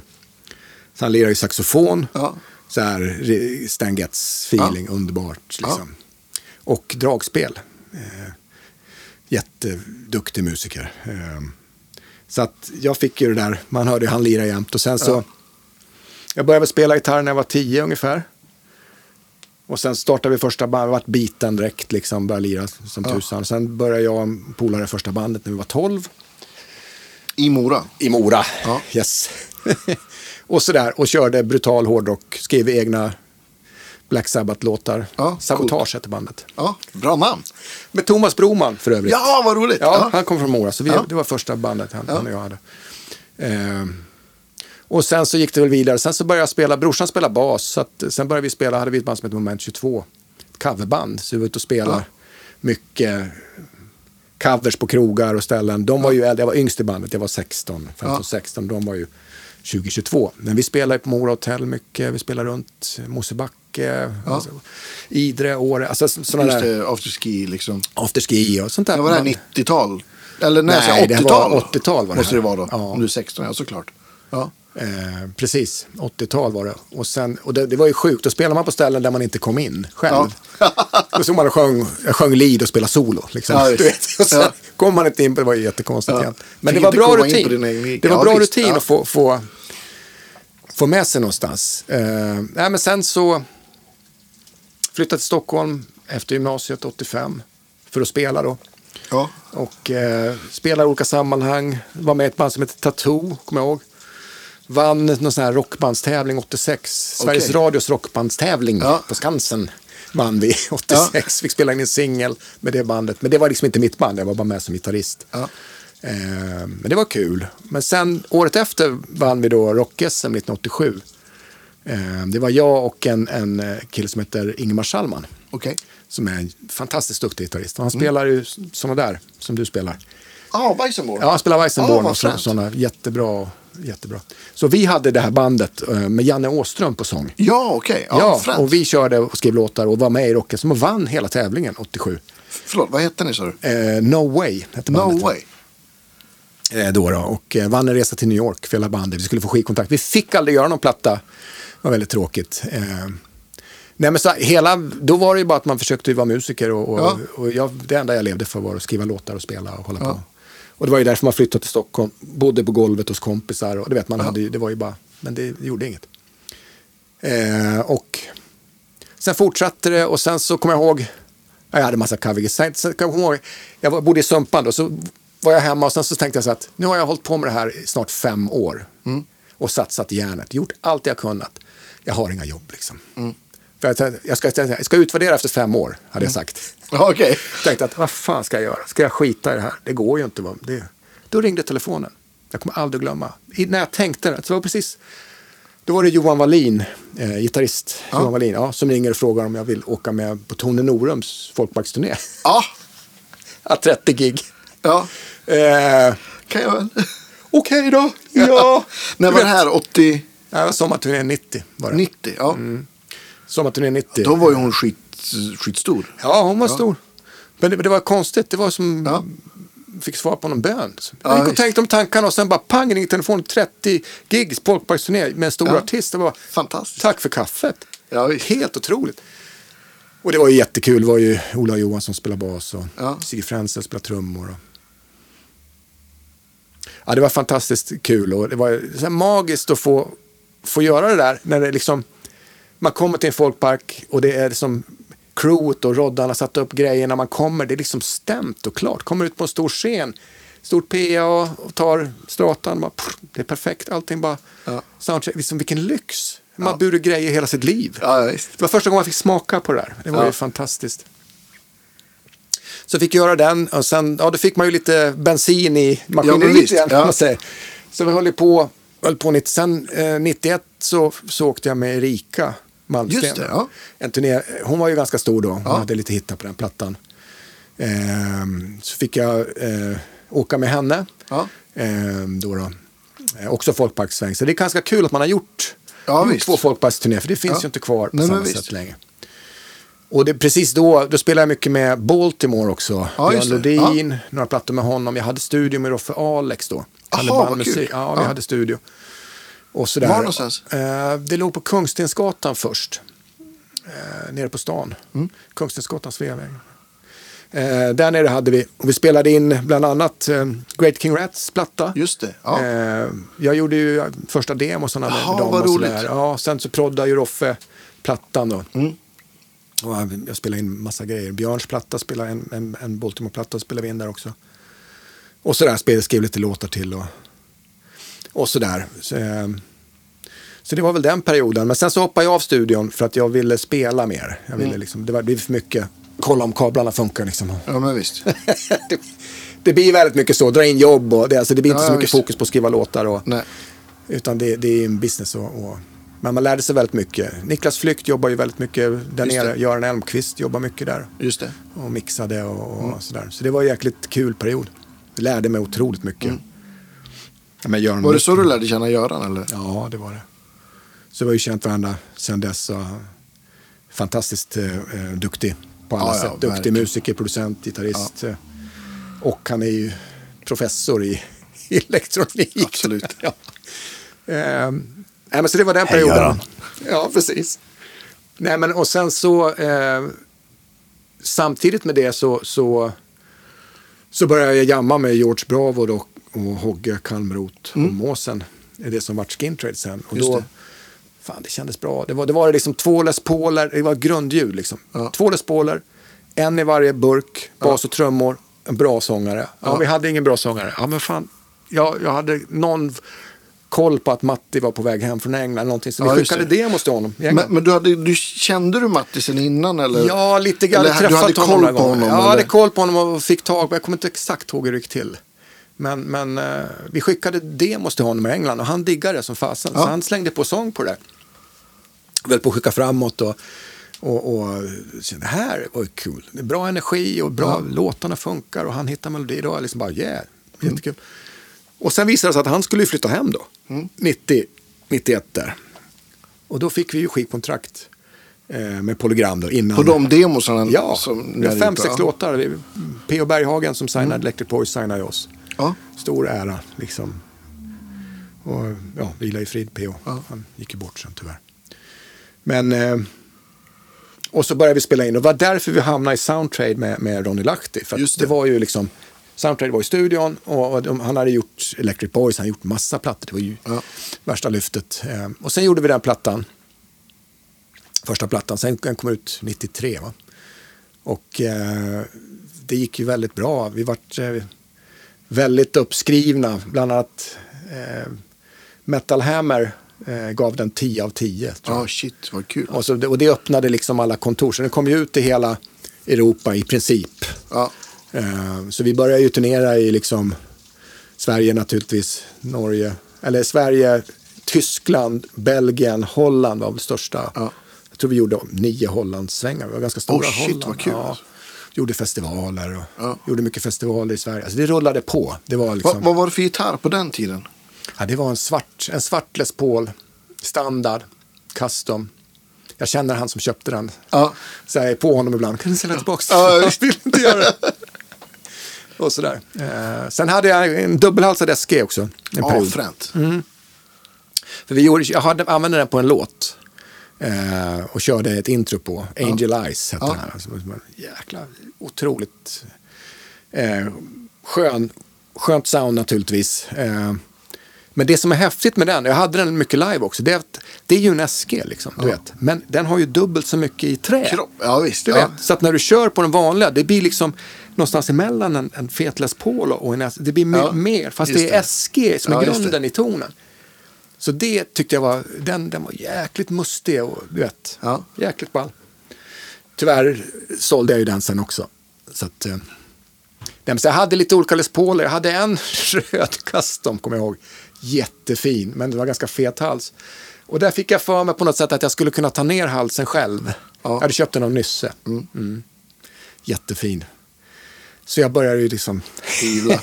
i halsen och det var ju katastrof. Ja, det där Ja. tror jag många av oss också har gjort. Fan alltså. Och sen så eh, bytte jag bort den, fick bort den på något sätt. Det var Ja. ångest bara. Sen träffade jag Nysse några år senare. Och han skällde ut mig. Vad har du gjort med den där röda? Vad har du gjort med gitarren? Då har du ju fått tillbaks den Så- och fattat ja. att det var den jag köpte och Ja. jag hade gjort det där. Så han var ju skit. Med all rätt i och för sig. Ja. Herregud. Men han lyckades få till den sa han. Han lyckades. Ja, rädda det var den. Så det var, ju, Ja. det var ju kul. Och det var, var det, var det en Folkesson Marshall då eller? Nej, det var bara en, en standard ISM 100 först. 900? Ja. En vanlig rak, rak 412. Ja. Eh, högt som fan. Ja. 50-wattarna låter ju lite mustigare än 100-wattarna. 100-wattarna har mer headroom, men de har en annan, lite dödare ton på något Mm. vis. 50-wattare låter lite mer, mm, alltså Ja. på något vis faktiskt. Om du, om du krämar, Ja, trummor slår hårt och du krämar på en 50 watt, då jobbar den på ett annat sätt. Mm. Ofta 100-wattare, oavsett vad det är, de, de, de leker ju fram, cruisar ju bara. Ja, ja visst. På två år, bara, men det, det blir... Det är en helt annan grej. Ja. Jag tror jag hade en 50 wattare och den lät eh, original JSM 900 lät, lät faktiskt bra. Men sen så kom ju, så kom ju Van Halen-stärkarna där. Just det. PB 5150. Just det. Då köpte vi ju det direkt. Och det Ja. var ganska kul. Både jag, alltså vi, första plattan då hade vi Marshall, bara allting. Sen gick vi in och spelade in några till låtar med Ronny. Ja. Eh, vi, det var en, ja, vi skulle in och göra tre låtar till tror jag. Och då hade vi bytt stärkare. Och Måsen hade fått spons på trummor. Han hade värsta grätsättet först. Han hade Ja. fått Mapex. Jättebra alltså. Ja. Och, och vi hade 51-50 stärkare. Och vi ställde upp på samma ställe, gjorde samma sak. Och började lira som fan och han började micka upp. Så här, Grabbar, vad har ni gjort? Allt låter sämre.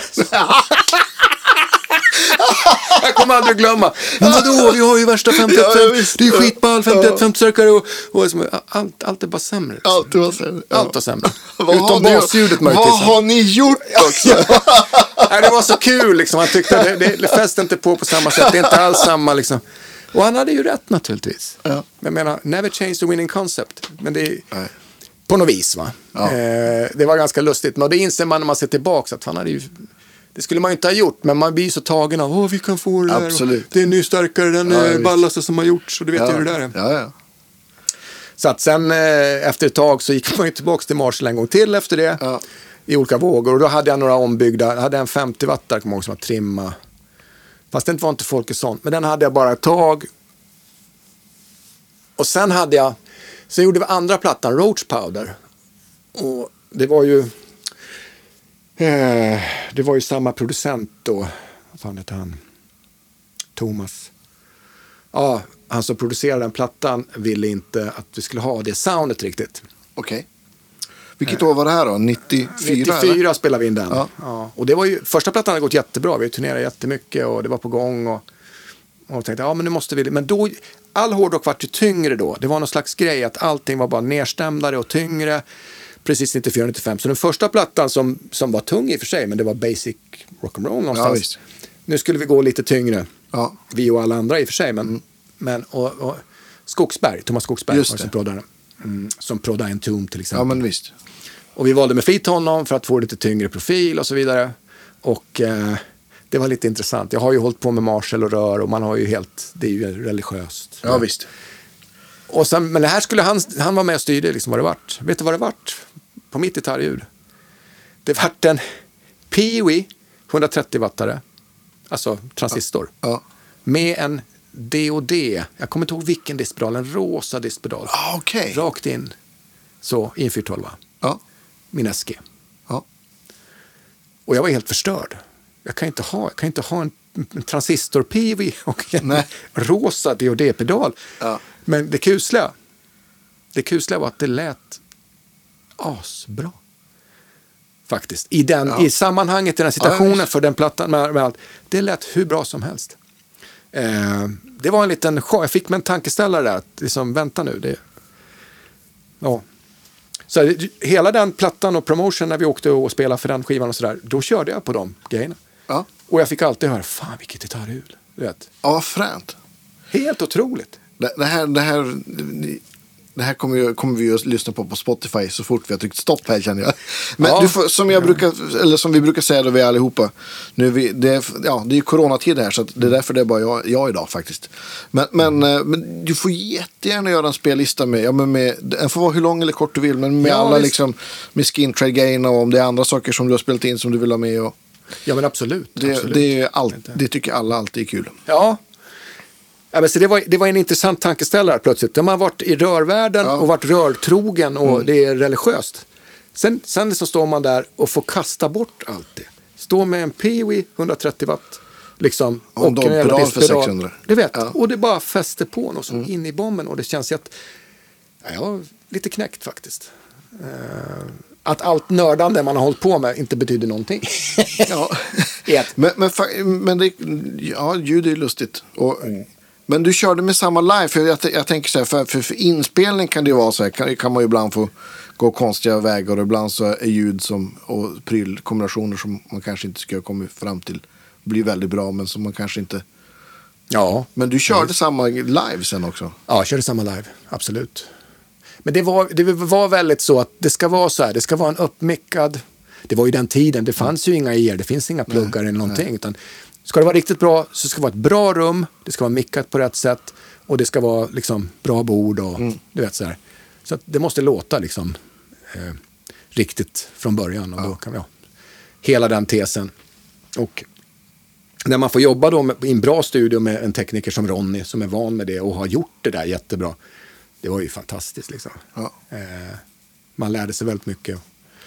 Och se. Eh, jag menar förr i tiden så var ju det på den tiden, på, på 90-talet, början- mitten av 90-talet, det var ju en konst att göra skivor. Ja visst. Och spela in skivor och mixa skivor. Och, Ja. Som väldigt få kunde. Liksom. Alltså få det riktigt bra Ja, ja visst. mastra skivor. Alltså det, kom, Ja, det var ju liksom magi, black magic liksom. Nu är det ju liksom, alla ska kunna göra skivor och ha hemstudios och datorer och, Mm. Ja, och visst. pluggar. Och, men det var inte så då, man får inte Nej. glömma det. Nej, det, var, det var en handfull personer i, i Sverige som, som var liksom på den Precis. nivån, som gjorde den grejen. Ronny var en av dem. Ja. Helt klart, i den men genre visst, som vi höll på med. Det är ju liksom hisnande, men på den tiden var det liksom ett bra virvelljud. Man, man, idag då man liksom, jag gillar ju att läsa intervjuer eller kolla på liksom YouTube och, liksom, och, och man kan ju förstå att, att de höll på länge med trumljud. Ja, eller hur? Eller hur? Alltså, eh, nu har man ju 2000 virvelljud i datorn som alla är bra på olika sätt. Ja, det är ingen issue längre. Det är ingen, Nej. du behöver inte ens spela in riktiga trummor, du bara har triggmickarna på plats så kan Ja, du ja, byta det- ut till vad du vill. det går också, Det är precis. Mm. läskigt egentligen. Men det är väl i och för sig, det är, det är någon slags forma, formatbyte i världen liksom. Ja. Så man bytte hästar mot bilar. Precis, ja men lite så. Samtidigt så, är det ju liksom, så går det inte att komma från att liksom ett, ett, en trummis som spelar kommer ju aldrig byta ut oavsett hur bra pl- pluggar det kommer och att det är groove som är spelad av riktiga trummisar. Så Jag tycker allt låter fantastiskt och jag använder det hela tiden. Men, Ja. Jag håller, liksom- med, håller med dig. men det är ju det är ju roligare om Hasse sitter där och bankar. Ja, herregud. Det går inte, nej, det går inte, att, det går inte att ta på. Och det är no, nej, nej, jag håller med dig. Det är, Nej, men och, och, och framförallt, det kan jag tycka är tråkigt. Ja, men, ja, men nu är det ju sådana tider också, men då man sitter mycket själv och spelar in saker. Att, att liksom musik är ju en lagsport. Liksom. Det händer ju något om man spelar tillsammans. Det är ju fruktansvärt kul att spela musik med andra människor. Eller hur? Absolut. Det var ju det vi försökte, och det är det som har varit vårt, alltså i, om man pratar nu, vi Ja. snackar om inspelare, men med Skintrade, det har alltid varit magin som uppstår när vi är välrepade, välmotiverade, har Ja. bra låtar och ska sätta det här och när Ja. Mm. vi spelar ihop, då blir det en speciell grej. Vi körde ju aldrig efter klick en hel låt, man körde inräkning efter klick. Men sen släpptes det löst för att. Mm. det är organiskt, det växlar, det, jag menar som det ska vara. Eh, så absolut, magin mellan människor är ju, det är ju det som gör det där. Ja, men jag, tänker, jag tittar på din affisch här, Tedesco Trucks Band. Ja, visst. Eh, det är ju fantastiskt alltså. Han, han är väl en liksom, det, det bandet är väl enormt, enormt organiskt och Ja, oh ja, verkligen. De har liksom en låtlista på flera hundra låtar. Liksom. De spelar ju aldrig samma låtlista varje kväll. Nej, två eller- kvällar i rad. Vilket är hisnande, tycker jag. Jag tycker det är fantastiskt. Och just det, inspelningsprocessen, för det var väl någon, gjorde, något Jo. avsnitt gjorde, ja, när han berättade om det, när de spelade in Och liksom att de, det är ju verkligen ett band, band-effort. liksom visst. någonstans. Den magin. Och det blir ju också så otroligt unikt någonstans. För Ja. det finns ju ingen band som kan låta som något annat på det sättet. Utan alla blir ju sin egen Ja. någonstans. Så att, eh, Men vad, nu är jag nyfiken på, vad, vad hände sen med Skin Trade? Efter, efter Rosa Distpedalen och, och platta nummer två? Ni fortsatte? Ja, nej, sen, sen så eh, kom vi hem efter de turnéerna sådär. Och sen, vi vart faktiskt droppade från skivbolaget efter den plattan. Eh, de tyckte väl att det hade gått för dåligt. Ja, det var var också så att alla de... 95-ish, eller? 95, 96-ish. Alla de inom den typen av musik och tunga hårdrock, eller vad man ska kalla det för, Mm. de, de bytte liksom riktning där. Just det. Om man tittade på alla festivaler, alltså 95 så var ju var det jättemycket tunga band som headlinade, du vet Rock am Ring och sådana stora Ja. festivaler. 96 däremot, då var det helt annat. Det var inte samma. Nej. Och sådär, så det varierade. Man, det, det skedde ett skifte, plus att vi kanske inte har sålt tillräckligt och de var missnöjda. Ja. Jag vet inte, men, men vi var droppade och och kände, jag, kände, jag kände väl att jag skulle få barn då. Ja. Eller jag hade en son och var på gång med en till. Så att jag orkade inte liksom mer. För vi hade ju liksom... Ja, vi hade spelat väldigt mycket. Vi hade haft lön under vissa perioder. Sen har man inte haft lön ibland. Jobbat på Fryshuset Just det. för ABF där och hade hand om lokaler och grejer. Eh, Men det funkar ju inte för vi var borta så mycket. Så man har en fot i varje land, vilket är det jobbigaste som finns då. Och sen, ja det måste funka, pengarna måste in. Ja. Eh, Sen har vi gjort det, varit droppade, tänkte jag, alltså, jag orkar inte mer nu. Så att jag, jag började plugga istället, då faktiskt. Eh, och sådär. Och sen så eh, började jag jobba, eh, spelade inte så mycket på ett tag faktiskt, under den perioden. Sen. Eh, då, ja det hände massa grejer.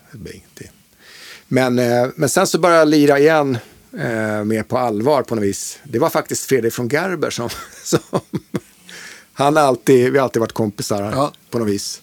Och han eh, sa till mig på någon, vi träffades på någon fest tror jag. Frågade om jag lirar. Ah, inte så mycket just nu faktiskt. Jag, liksom, jag orkar inte hålla på. Ja. Ja. men det ska vi fixa. Så han Ja. fixade så jag spelade med han, det var Matte också, i ett coverband. Då, så. Det var ganska häftigt. Då hade man haft paus i åtta år, du vet sådär, och bara jobbat. Liksom. Och sen så kommer man ut, det var ett bra gig och stort PA och kommer ut och det är Ja. fullt med folk. Och det var bara så här, wow, ja, det bara, hit me. Ja, ja, Fantastiskt, så det gick ju inte att stoppa sen, utan då Nej. var det bara köpa nya grejer, ja du vet. Ja. Så drog man igång igen på något vis ehm, i allting. Eh, så det var ju det var ju bra och sen dess är man bara inser, det är ingen idé att försöka liksom trappa ner. Nej. Det är som en kompens kär vän till mig, Stefan Björk, sa. Ja. Att jag, försökte, jag försökte lägga av, men det gör för ont i själen. Mm. Ja, det gör ju det. Så det är bara att inse att you're in it for life. Ja, visst. Någonstans. Jag gjorde, jag gjorde ett gig för, kort sidostory här, kanske 15 år sedan med, med Bengt Berger och Nicky Ström.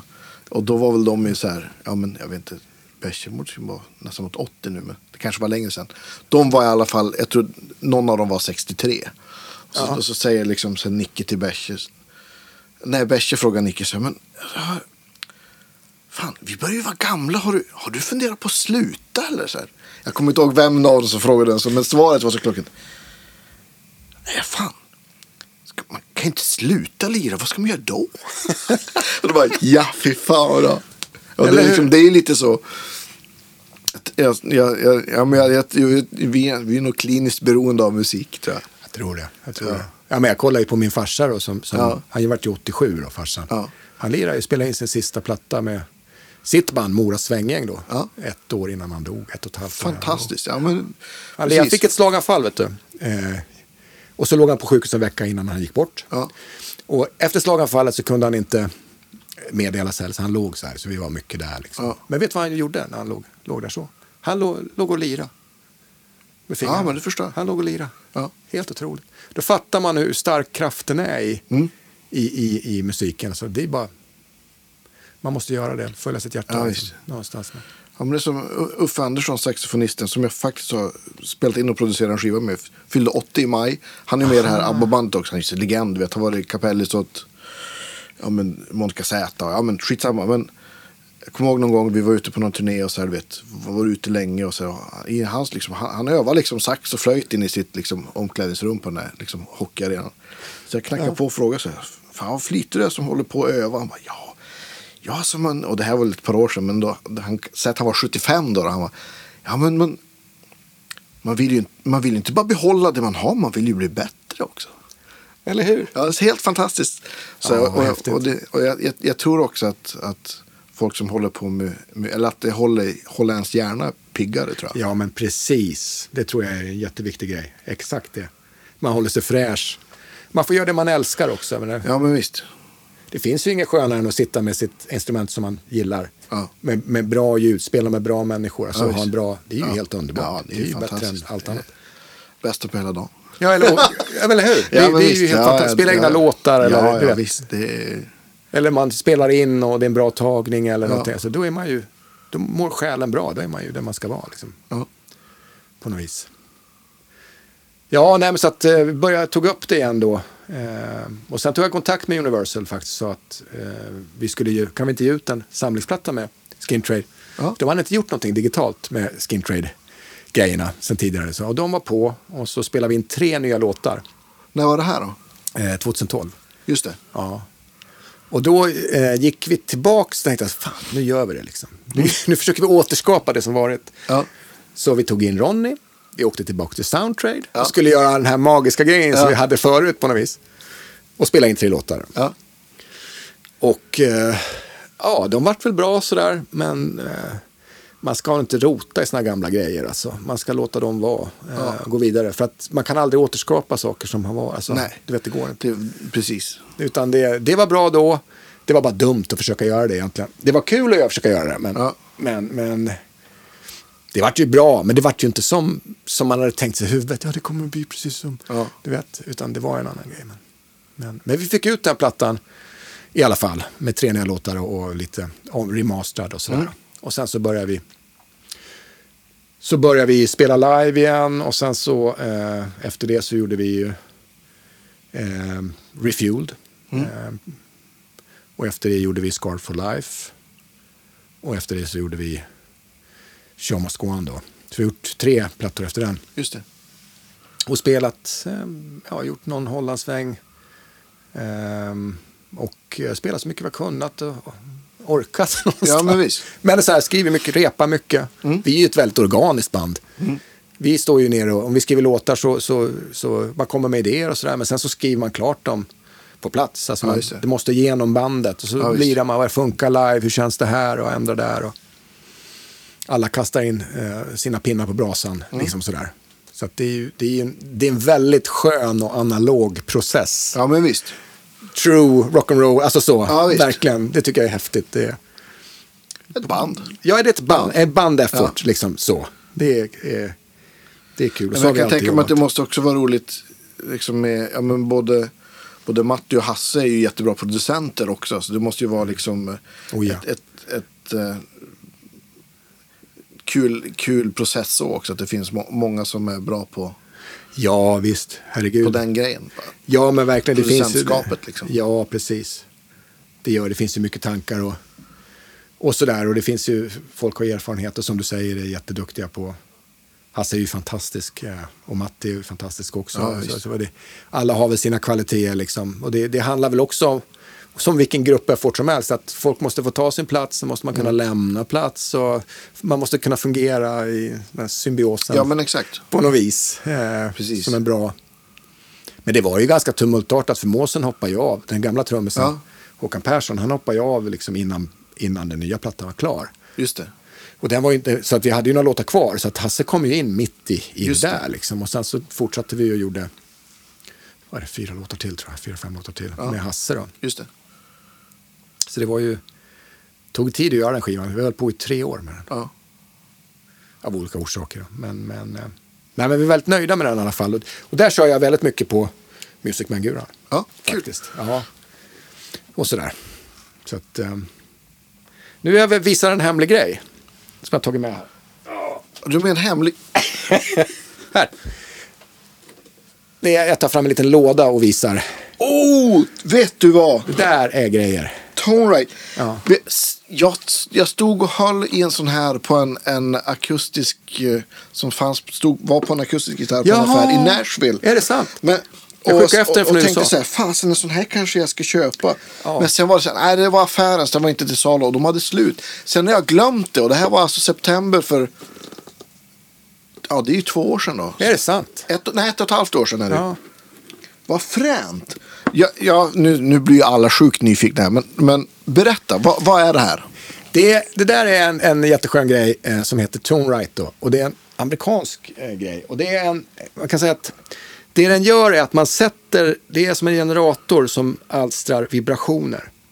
Eh, så det man sätter i, om du öppnar den så kan du se att den har liksom gummibussningar som Just det. passar i strängarna. Exakt. Så man sätter in den där i strängarna. Sen knäpper man på, då vibrerar den. Just det. Sådär. Så den simulerar egentligen att man spelar på Spela, gitarren. den spelar in gitarren helt enkelt. Ja, så sätter du den där så låter du den gå i tre, fyra dygn. Ja. Du vet. Och jag har varit helt nyfiken på det där. För, för eh, Sandberg, Ja. du vet. Sandberg-gitarrer, jättefina gitarrer, fantastiska Ja, gitarrer. De har ju som grej att de har ju hundra timmars Tone right. Ja, tone right eller någonting, att man Ja. vibrering. När de kommer ut som 100 timmar. För, vi, för att ofta, jag brukar, jag brukar ta gitarren, när jag, jag har testat gitarrer, nu lånar jag en gitarr. Man håller upp gitarren så här och så slår man den ner. För att få igång. Om det, man väcker instrumentet. Ja. Om du gör så i 10 minuter, du tar innan och så gör du så här, slår så att hela gitarren vibrerar riktigt bra. Det blir en jävla skillnad. Det är en jätteskillnad. Jaha, shit vad kul. Ja, ja. Och jag tänkte, vänta, det är något, det är något magi i det här. Varför Ja. blir det skillnad? Hur kan det bli skillnad? Men vad vad kom- var kom det ifrån? Den grejen? Jo, det var att vi höll på att spela in, oj förlåt. Vi höll på att spela in, eh, vi gjorde två plattor med Oskar Ammer. Jätteduktig tekniker och, och producent. Och han, vi snackar mycket om det där. Och han visar mig, håll upp gitarren bakifrån, så slår du längst ner. Så håller du på så 10 minuter. Och sen tar du några ackord och känner, alltså jämför med innan. Enorm skillnad. Och jag gjorde det alltid när, när vi skulle lägga då för att liksom få ut Mm. det bästa av instrumentet. Och eh, då började jag tänka, vänta nu, det, det, här, det ligger någonting i det här. Och då började jag googla och så hittade jag den där, Tone Right, som, som skakar instrumentet åt den då. Ja. Och skickade efter den från USA, eh, tog väl några veckor och sådär, men du vet, kom. Och så började jag köra med den där. Eh, och det står ju, man ska ju ha på den 70, 72 timmar. Just det. Ja, det, där är för, det är inte bara för elgitarrer, det där, det där är för fioler, mandoliner, Precis, det, där är, det är akustiska gitarrer. Så det där är liksom en... Och man kan ju säga övergripande så, så ja, det blir en enorm skillnad. Jag kommer ihåg också att jag läste ett test i Guitar Player. Aha. Som jag är prenumerant av för länge sedan. Ja. Sedan länge. Och, och de tyckte också att det, och de gjorde, det var så roligt för det var så, de testade till och med på olika, alltså de hade någon, någon jättebillig gitarr, någon, någon mellangitarr och så någon riktigt dyr gitarr. Alltså, och det, Ja. var, det var tre stålsträngade gitarrer då liksom.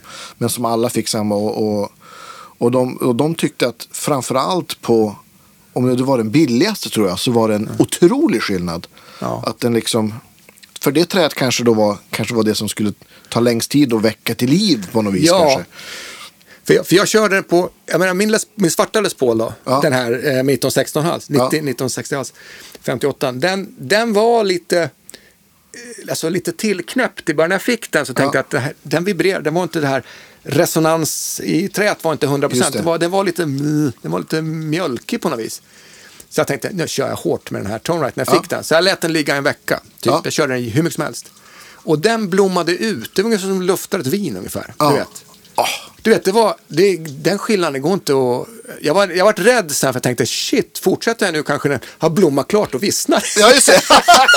men förstår du? ja, jag fattar precis. Too Ja. much of a good thing Ja, ja, liksom, visst. leaves you wanting less. Ja. men liksom, Ja, men visst. Så fan shit, nu kan jag inte köra den mer för nu, nu har jag, jag har fått, den, den här har blommat nu. Ja. Den är där. Ja, ja, det är en helt annan gitarr än det var, du vet. Ja, vad En roligt helt- alltså. Det är ett annat Ja. instrument. Det är en another story.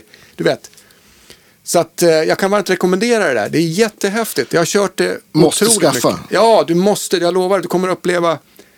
Det, det säger sig självt. Det är, inget, det är inte så svårt att tänka sig. Om du spelar mycket på ett instrument, då Finns det någon, vibrerar var, det mer. var, har du, var har du köpt den här?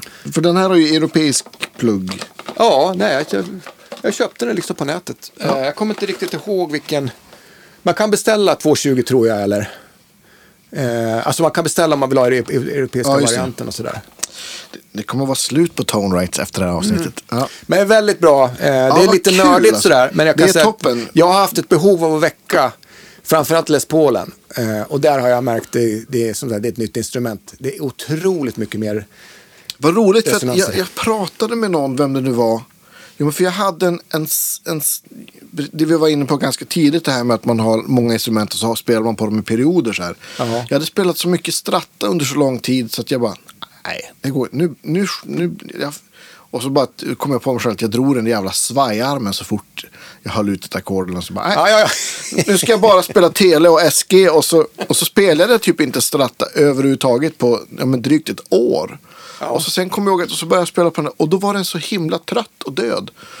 Och, och så kom jag ihåg att då fick jag liksom, men sen tänkte jag på så här, li- lite så här på skämt att ja men Ja, hon är nog sur på mig för att hon inte har fått någon kärlek. Så jag, så tänkte, ja, men jag, jag, spelar, jag spelar på det. Så då, så då spelade jag på den, nästan bara den gitarren i en och en halv månad. Och då kom den liksom tillbaks. Ja, men du ser, det på något vis. Så att, så att jag, jag tror verkligen inte att det här är en liksom, Jag tror verkligen att det funkar. Eller jag vet att det funkar. Ja. Det sa de också på det här testet. Och, och du vittnar om det här också. Ja, ja, för tusan. Vad Så kul det, alltså. Så det är en, en väldigt bra grej. Så man, inte, man tänker bara, åh den här gitarren är bra, ja, den är, känns sådär, den känns inte liksom, det är ingen resonans. Nej, men den har inte kanske blommat ut än. Nej. Så att det där är ju ett jättebra sätt att optimera sina guror, Just sina gitarrer med. Liksom. Eh, Men som sagt, jag har varit rädd också för att det ska blomma över. Och, och, det vet jag inte vad det får för effekt, men jag, jag kör ju inte Les Paulen längre med den där. Men Stratan, min, min, Ja. som jag köpte av Peter, den kör jag mycket i den där också. Den, speciellt som du säger, man låter, du vet, Om du du har måste- någon gitarr som du inte har spelat på mycket, du ska göra en gig, du ska göra stått ett någonting. tag. Ja, men visst. Sätt den ett dygn i den där, då är den som att du har spelat dygnet runt i tre veckor på den. Fantastiskt. Förstår du? Så att, Ja. den, den där, den Måste- är just, måste skaffa. Framförallt för nya instrument. Köper du en Ja. ny gitarr så tar det tid att spela in den. Ja. Det står beskrivet det där. Det, det, det gäller ju inte bara gitarrer, det gäller ju fioler, mandoliner. visst. det, gäller Ja, massor. det där är ju gjort för alla dem. Eh, inte alls Den med... där är ju Weissenborn, är ju, är ju rätt ny. Den, den, den har ju inte ens nej. någon mick. Jag har spelat på den i två, tre år. Men det är ändå den där vänstra som jag, är den som jag spelar på mest. Och alltid nästan spelar in. Så att, Ja, okej. För att jag tycker att den låter bättre. Den där låter också fint, men den låter lite rå. Den kanske skulle Den har inte mognat tillräckligt Nej, exakt. Nej, men det där, det accelererar ju processen. Du kan ju tänka Ja. dig, om, om, när du spelar på den, den där spelar dygnet runt då. Visst, dig. exakt. Säkert mindre. Sen kan du, finns en gradering så att om du, om du kör fullt, eh, eh, då blir tonen, efter en viss tid så blir den, man ska köra lite mellan sådär för att då jobbar den. Ja, massa- olika liksom, Ja, styrkor. Ja, eh, det står beskrivet. Men, Ja, men det är en fränt. häf, häftig grej som faktiskt förbättrar tonen i träet. Ja. Mycket bra. Här kommer jag ta med i beskrivningen av det här avsnittet att du har med en hemlig låda. Ja. Eller en hemlig tonförbättrare. Nej, men annars så, eh, lite i din värld också, så har jag snöat mycket på akustiskt sådär. Eh, jag spelar ju mest elgitarr naturligtvis, men, men jag är väldigt fascinerad och väldigt, väldigt inne på akustiska grejer också. Ja. Och jag gillar Martin-gitarrer då. Så jag, har, jag, har, jag satsar inte lika mycket på det på det sättet idag, men jag har en jättesny, jättebra D16. Ja. DSR eller DS, Ja. någonting sånt där. Jag har hållit på med det där och sen så när vi höll på med eh, Refueled, tror jag det var, för Oscar Amme, med Oscar Amme, med Skin Trade. Ja. ja, så skulle det vara akustiska parts, så skulle jag spela in det där hemma, för jag kunde spela in någon annanstans. Och då fick jag låna en, en Neumann 184 av honom, Just det. Mm. en penna. Och jag, jag visste, jag tyck, alltid tyckte det var jobbigt. Vilken mix ska man ha? Hur ska, liksom, när man akustiskt, då får det låta bra. Men jag gjorde, tog det vanliga, tog den 12 band, 30 cm ut ungefär. Och det är det, med min Martin då, det är det bästa akustiska ljud jag någonsin har haft. Ja. Så att jag, ah, jag hittade. Så jag köpte den micken sen, Ja. den här 184. Ja, så jag har en sån. De är jätte, jättebra. Ah, jävlar bra det låter. Och, eh, så att det är liksom, jag har den lösningen alltid när jag spelar, när jag spelar akustiskt på det sättet. Jag har alltid 80, 184 då, Neumann. Eh, 30 cm från 12 till band. Ja, visst. låter väldigt bra, Ja. måste jag säga. Så spelar du bra gitarr, då, då låter det ju, det börjar ju där någonstans också. Ja, ja. Men, det, men det är liksom, man har en här- grund Ja. på, med den micken som jag inte har upplevt att man har. Jag har aldrig fått fram den på något annat sätt. Det. det låter så här, proff, alltså det låter så här världsklass. Det är Ja. liksom här riktigt jävla asbra faktiskt. Det räcker man dubbar upp en gång bara, pannar Ja, ut lite grann så är det, och shit, det är där liksom. Enkelt och bra. Nej, det är en, en stor favorit. Mycket bra. Mycket Ja, bra kör, kör du också den? Här? Ja, jag kör den. Ja. Eller den där JZ brukar, som du pratar i faktiskt. Ja, där. Just det. Eller, och ibland så, så, så har jag kört... Vi har ett, ett sånt par här med liksom, gamla. Liksom, Matchar det? Ja, Ah, KM84. Och så, så man kör dem i stereo och så sen en, en bandmick i mitten. Det har jag, om man till exempel om man spelar in ja, men Weissenborn och det ska vara liksom lead-instrument. Eller det, kanske bara det instrumentet. Då, då, kan man ju liksom, då kan det ju få ta plats. Då blir, Ja. det, blir det väldigt fint. Hög, höger, vänster, Neumann och så en Royer i mitten. Oj, oj, oj. God, vad häftigt. Ja, det låter lika dyrt som det är. Det, kan jag, det ska jag vilja höra. Alltså, ja, nej, men det ska du. vad häftigt. Ja, men du, du har ju svarat på den här frågan som vi brukar ställa alla. Din öde, öde gitarren höll höll jag på att säga. Musikprylen. Ja, det måste ju vi. Les Paulen kan jag aldrig överge. Jag, jag är nog en Les Paul-kille i själen någonstans. Det var min, min första gitarr var en Kasuga, Les Paul Ja. Kopia. 600 spänn tror jag köpte. Köpte den för. Och eh, jag kommer, alltså om jag skulle ta med mig en gitarr måste det ju vara den alltså. Det är, ja, helt klart. Ja. På något sätt. Kul. Va, vi, vi, vi kan ju sitta här och prata i flera timmar. Ja, vi har bara nosat på. Ja, men visst. Ja, men vi, eh, vi, vi kan ju ha en... eh, vi- Då det är dags för något nytt skivsläpp eller någonting så får vi ha en returmatch. Helt Ja, men enkelt, tycker jag. absolut. Ja, Absolut. Eh, det vore jättetrevligt. ja, Jag måste passa på att hälsa till min dotter Alma också. ja. Bra. Tack så mycket. Och eh, stort tack till eh, alla våra Patreons och kaffe och kaffemuggsköpare. Vi har faktiskt druckit poddkaffet idag. Eh, Det är mycket gott, säger jag. Partisk som jag är. Men, eh, nej, men stort tack alla er som stödjer oss. Och eh, vi hörs nästa vecka helt enkelt. Tack, hej. Tack, hej då.